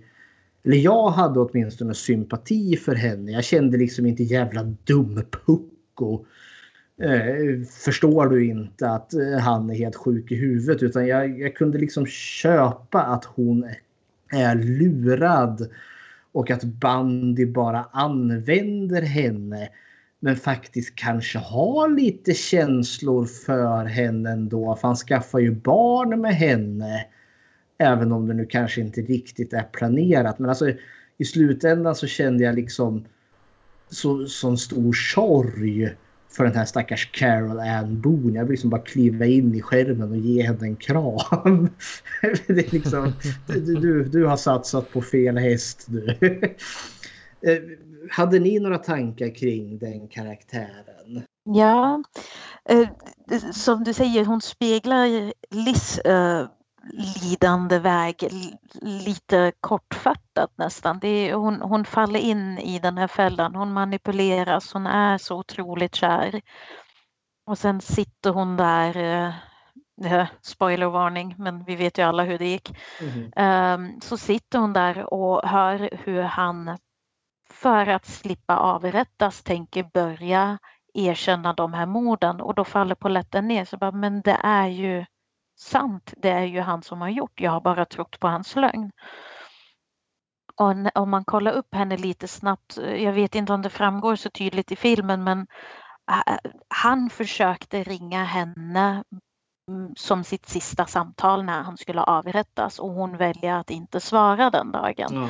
Så hon har ju genomgått eh, samma lidelseväg lite som Liz gjorde men väldigt, väldigt kortfattat för de gifte sig under rättegången och hon skilde sig strax före hans avrättning. Eh, eh, så det är ju väl, väldigt eh, speciellt där men det, det blir som ett eko. Det, han, han lyckas en gång till. Han lyckades trots att han sitter bakom galler, eh, eh, trots att han bara träffar henne vid vissa tillfällen, så lyckas han ändå eh, manipulera in sig i hennes liv och ta över henne och slänga in henne i ett medberoende till honom. Mm. Det som kan vara lite komplext med henne är ju liksom att det är ju faktiskt hon som kommer till honom. Eh, Så han får en möjlighet att slå klorna i henne. För hon är också lite villig till det. Eh, och samtidigt inte. Eh, ja, jag menar alltså dragningskraften hos den här människan är inte att underskatta. Och jag liksom känner att hon ändå så ger något mer sympatisk. Alltså jag känner inte att när filmen är klar att jag ska känna aha, rätt åt dig. Utan snarare att känna att hon är ytterligare ett av långa, många raden offer för Bandys eh, framfart. Ja, har, vi, har du gjort ett eh, Bechteltest på den här? Det, det har jag. Vi har ju Lizzie Kendall, vi har Joanna, vi har dottern Molly, vi har Carol Ann Boone. Eh, och sen vet jag inte om vi har så mycket mer. Eh, vi, eh, Lizzie möter Carol Ann Boone i eh, när de letar hund. Där i kenneln springer de ju på varandra. Eh, och Lizzie och Joanna möter ju också varandra. Men när Lizzie och Joanna pratar med varandra då pratar de ju alltid utifrån Ted Bundy. Eh, utifrån hans brott om han är skyldig eller oskyldig. Så det skiter ju sig. Eh, och Lizzie eh, när hon möter Carolyn Boone när de springer på varandra i kenneln så pratar de ju också varandra. Ja, men hur, hur träffade eh, eller att hon har träffat Bandy innan. Eh, så tyvärr, även om jag nu tycker väldigt mycket om den här filmen, men den klarar bara av två av de tre i Bechteltestet. För vi får ingen dialog mellan två namngivna kvinnor där de inte talar om en man. Underkänt. Så, nej, den klarar inte. Av de här tre filmerna är det bara The Stranger Besides Me som klarar Bechteltestet. Okej. Men om du som lyssnare har någon åsikt om Ted Bundy, vill tipsa om någon annan film eller bara vill säga hej så kan ni göra så här för att kontakta oss. Skräckfilmscirkeln presenteras av Patrik Norén och Fredrik Rosengren. Patrik är producent. Besök oss på skräckfilmscirkeln.com för att se var du kan lyssna på oss, hur du kan kontakta oss och hur du kan stödja oss. Om du vill diskutera filmerna är du välkommen att gå med i vår grupp på Facebook som heter Skräckfilmscirkeln Eftersnack. Tack för att du lyssnar!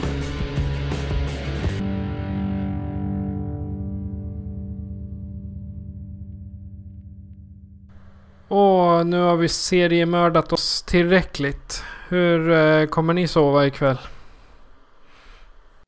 Eh, gott ändå. Jag kommer sova som en bebis med tanke på att Ted Bundy inte riktigt är bland oss längre. Så skönt. Fredrik, vad ser vi för film nästa gång? Nästa gång kommer vi se Horror of Dracula från 1958. Och vi kommer gå igenom Christopher Lees liv och gärningar. Nå något lättsammare än eh, Ted Bundy. Vi går från en riktig, fil, från en riktig skurk till en fiktiv skurk. Eller en man som spelade väldigt många fiktiva skurkar. Ja. Eh, Vi ska väl säga tack till Claudia för ditt deltagande och expertisen du har det, som du har erbjudit oss och bidragit med. Mm. Tack att jag fick komma på prao. Ja, och tack för att orka vara med i sånt här riktigt eh, mammut, eller vad heter det? Ma mammoth långt avsnitt. För det här blir återigen ett av våra giganter. Då så, men eh, då har vi bara en sak kvar att säga. Det är att jag heter Patrik. och jag heter Fredrik. Jag heter Claudia. Adjö på er. Hej Jöken! Hej hej.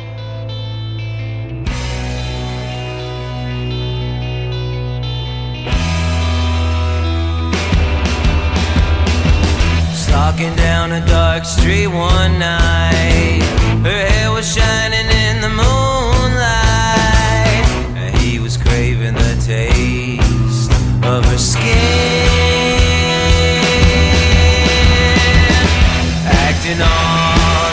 Nice and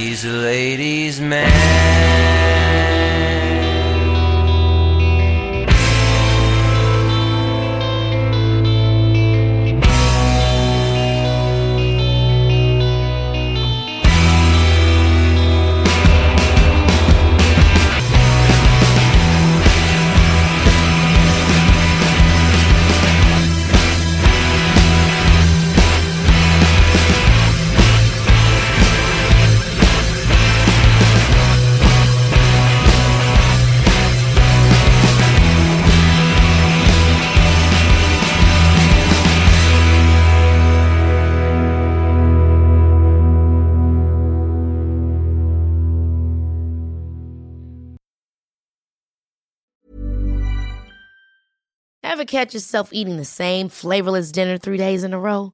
Dreaming of something better? Well, HelloFresh is your guilt-free dream come true, baby. It's me, Kiki Palmer.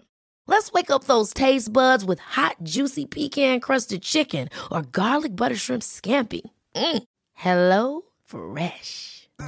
Stop dreaming of all the delicious possibilities and dig in at HelloFresh.com. Let's get this dinner party started.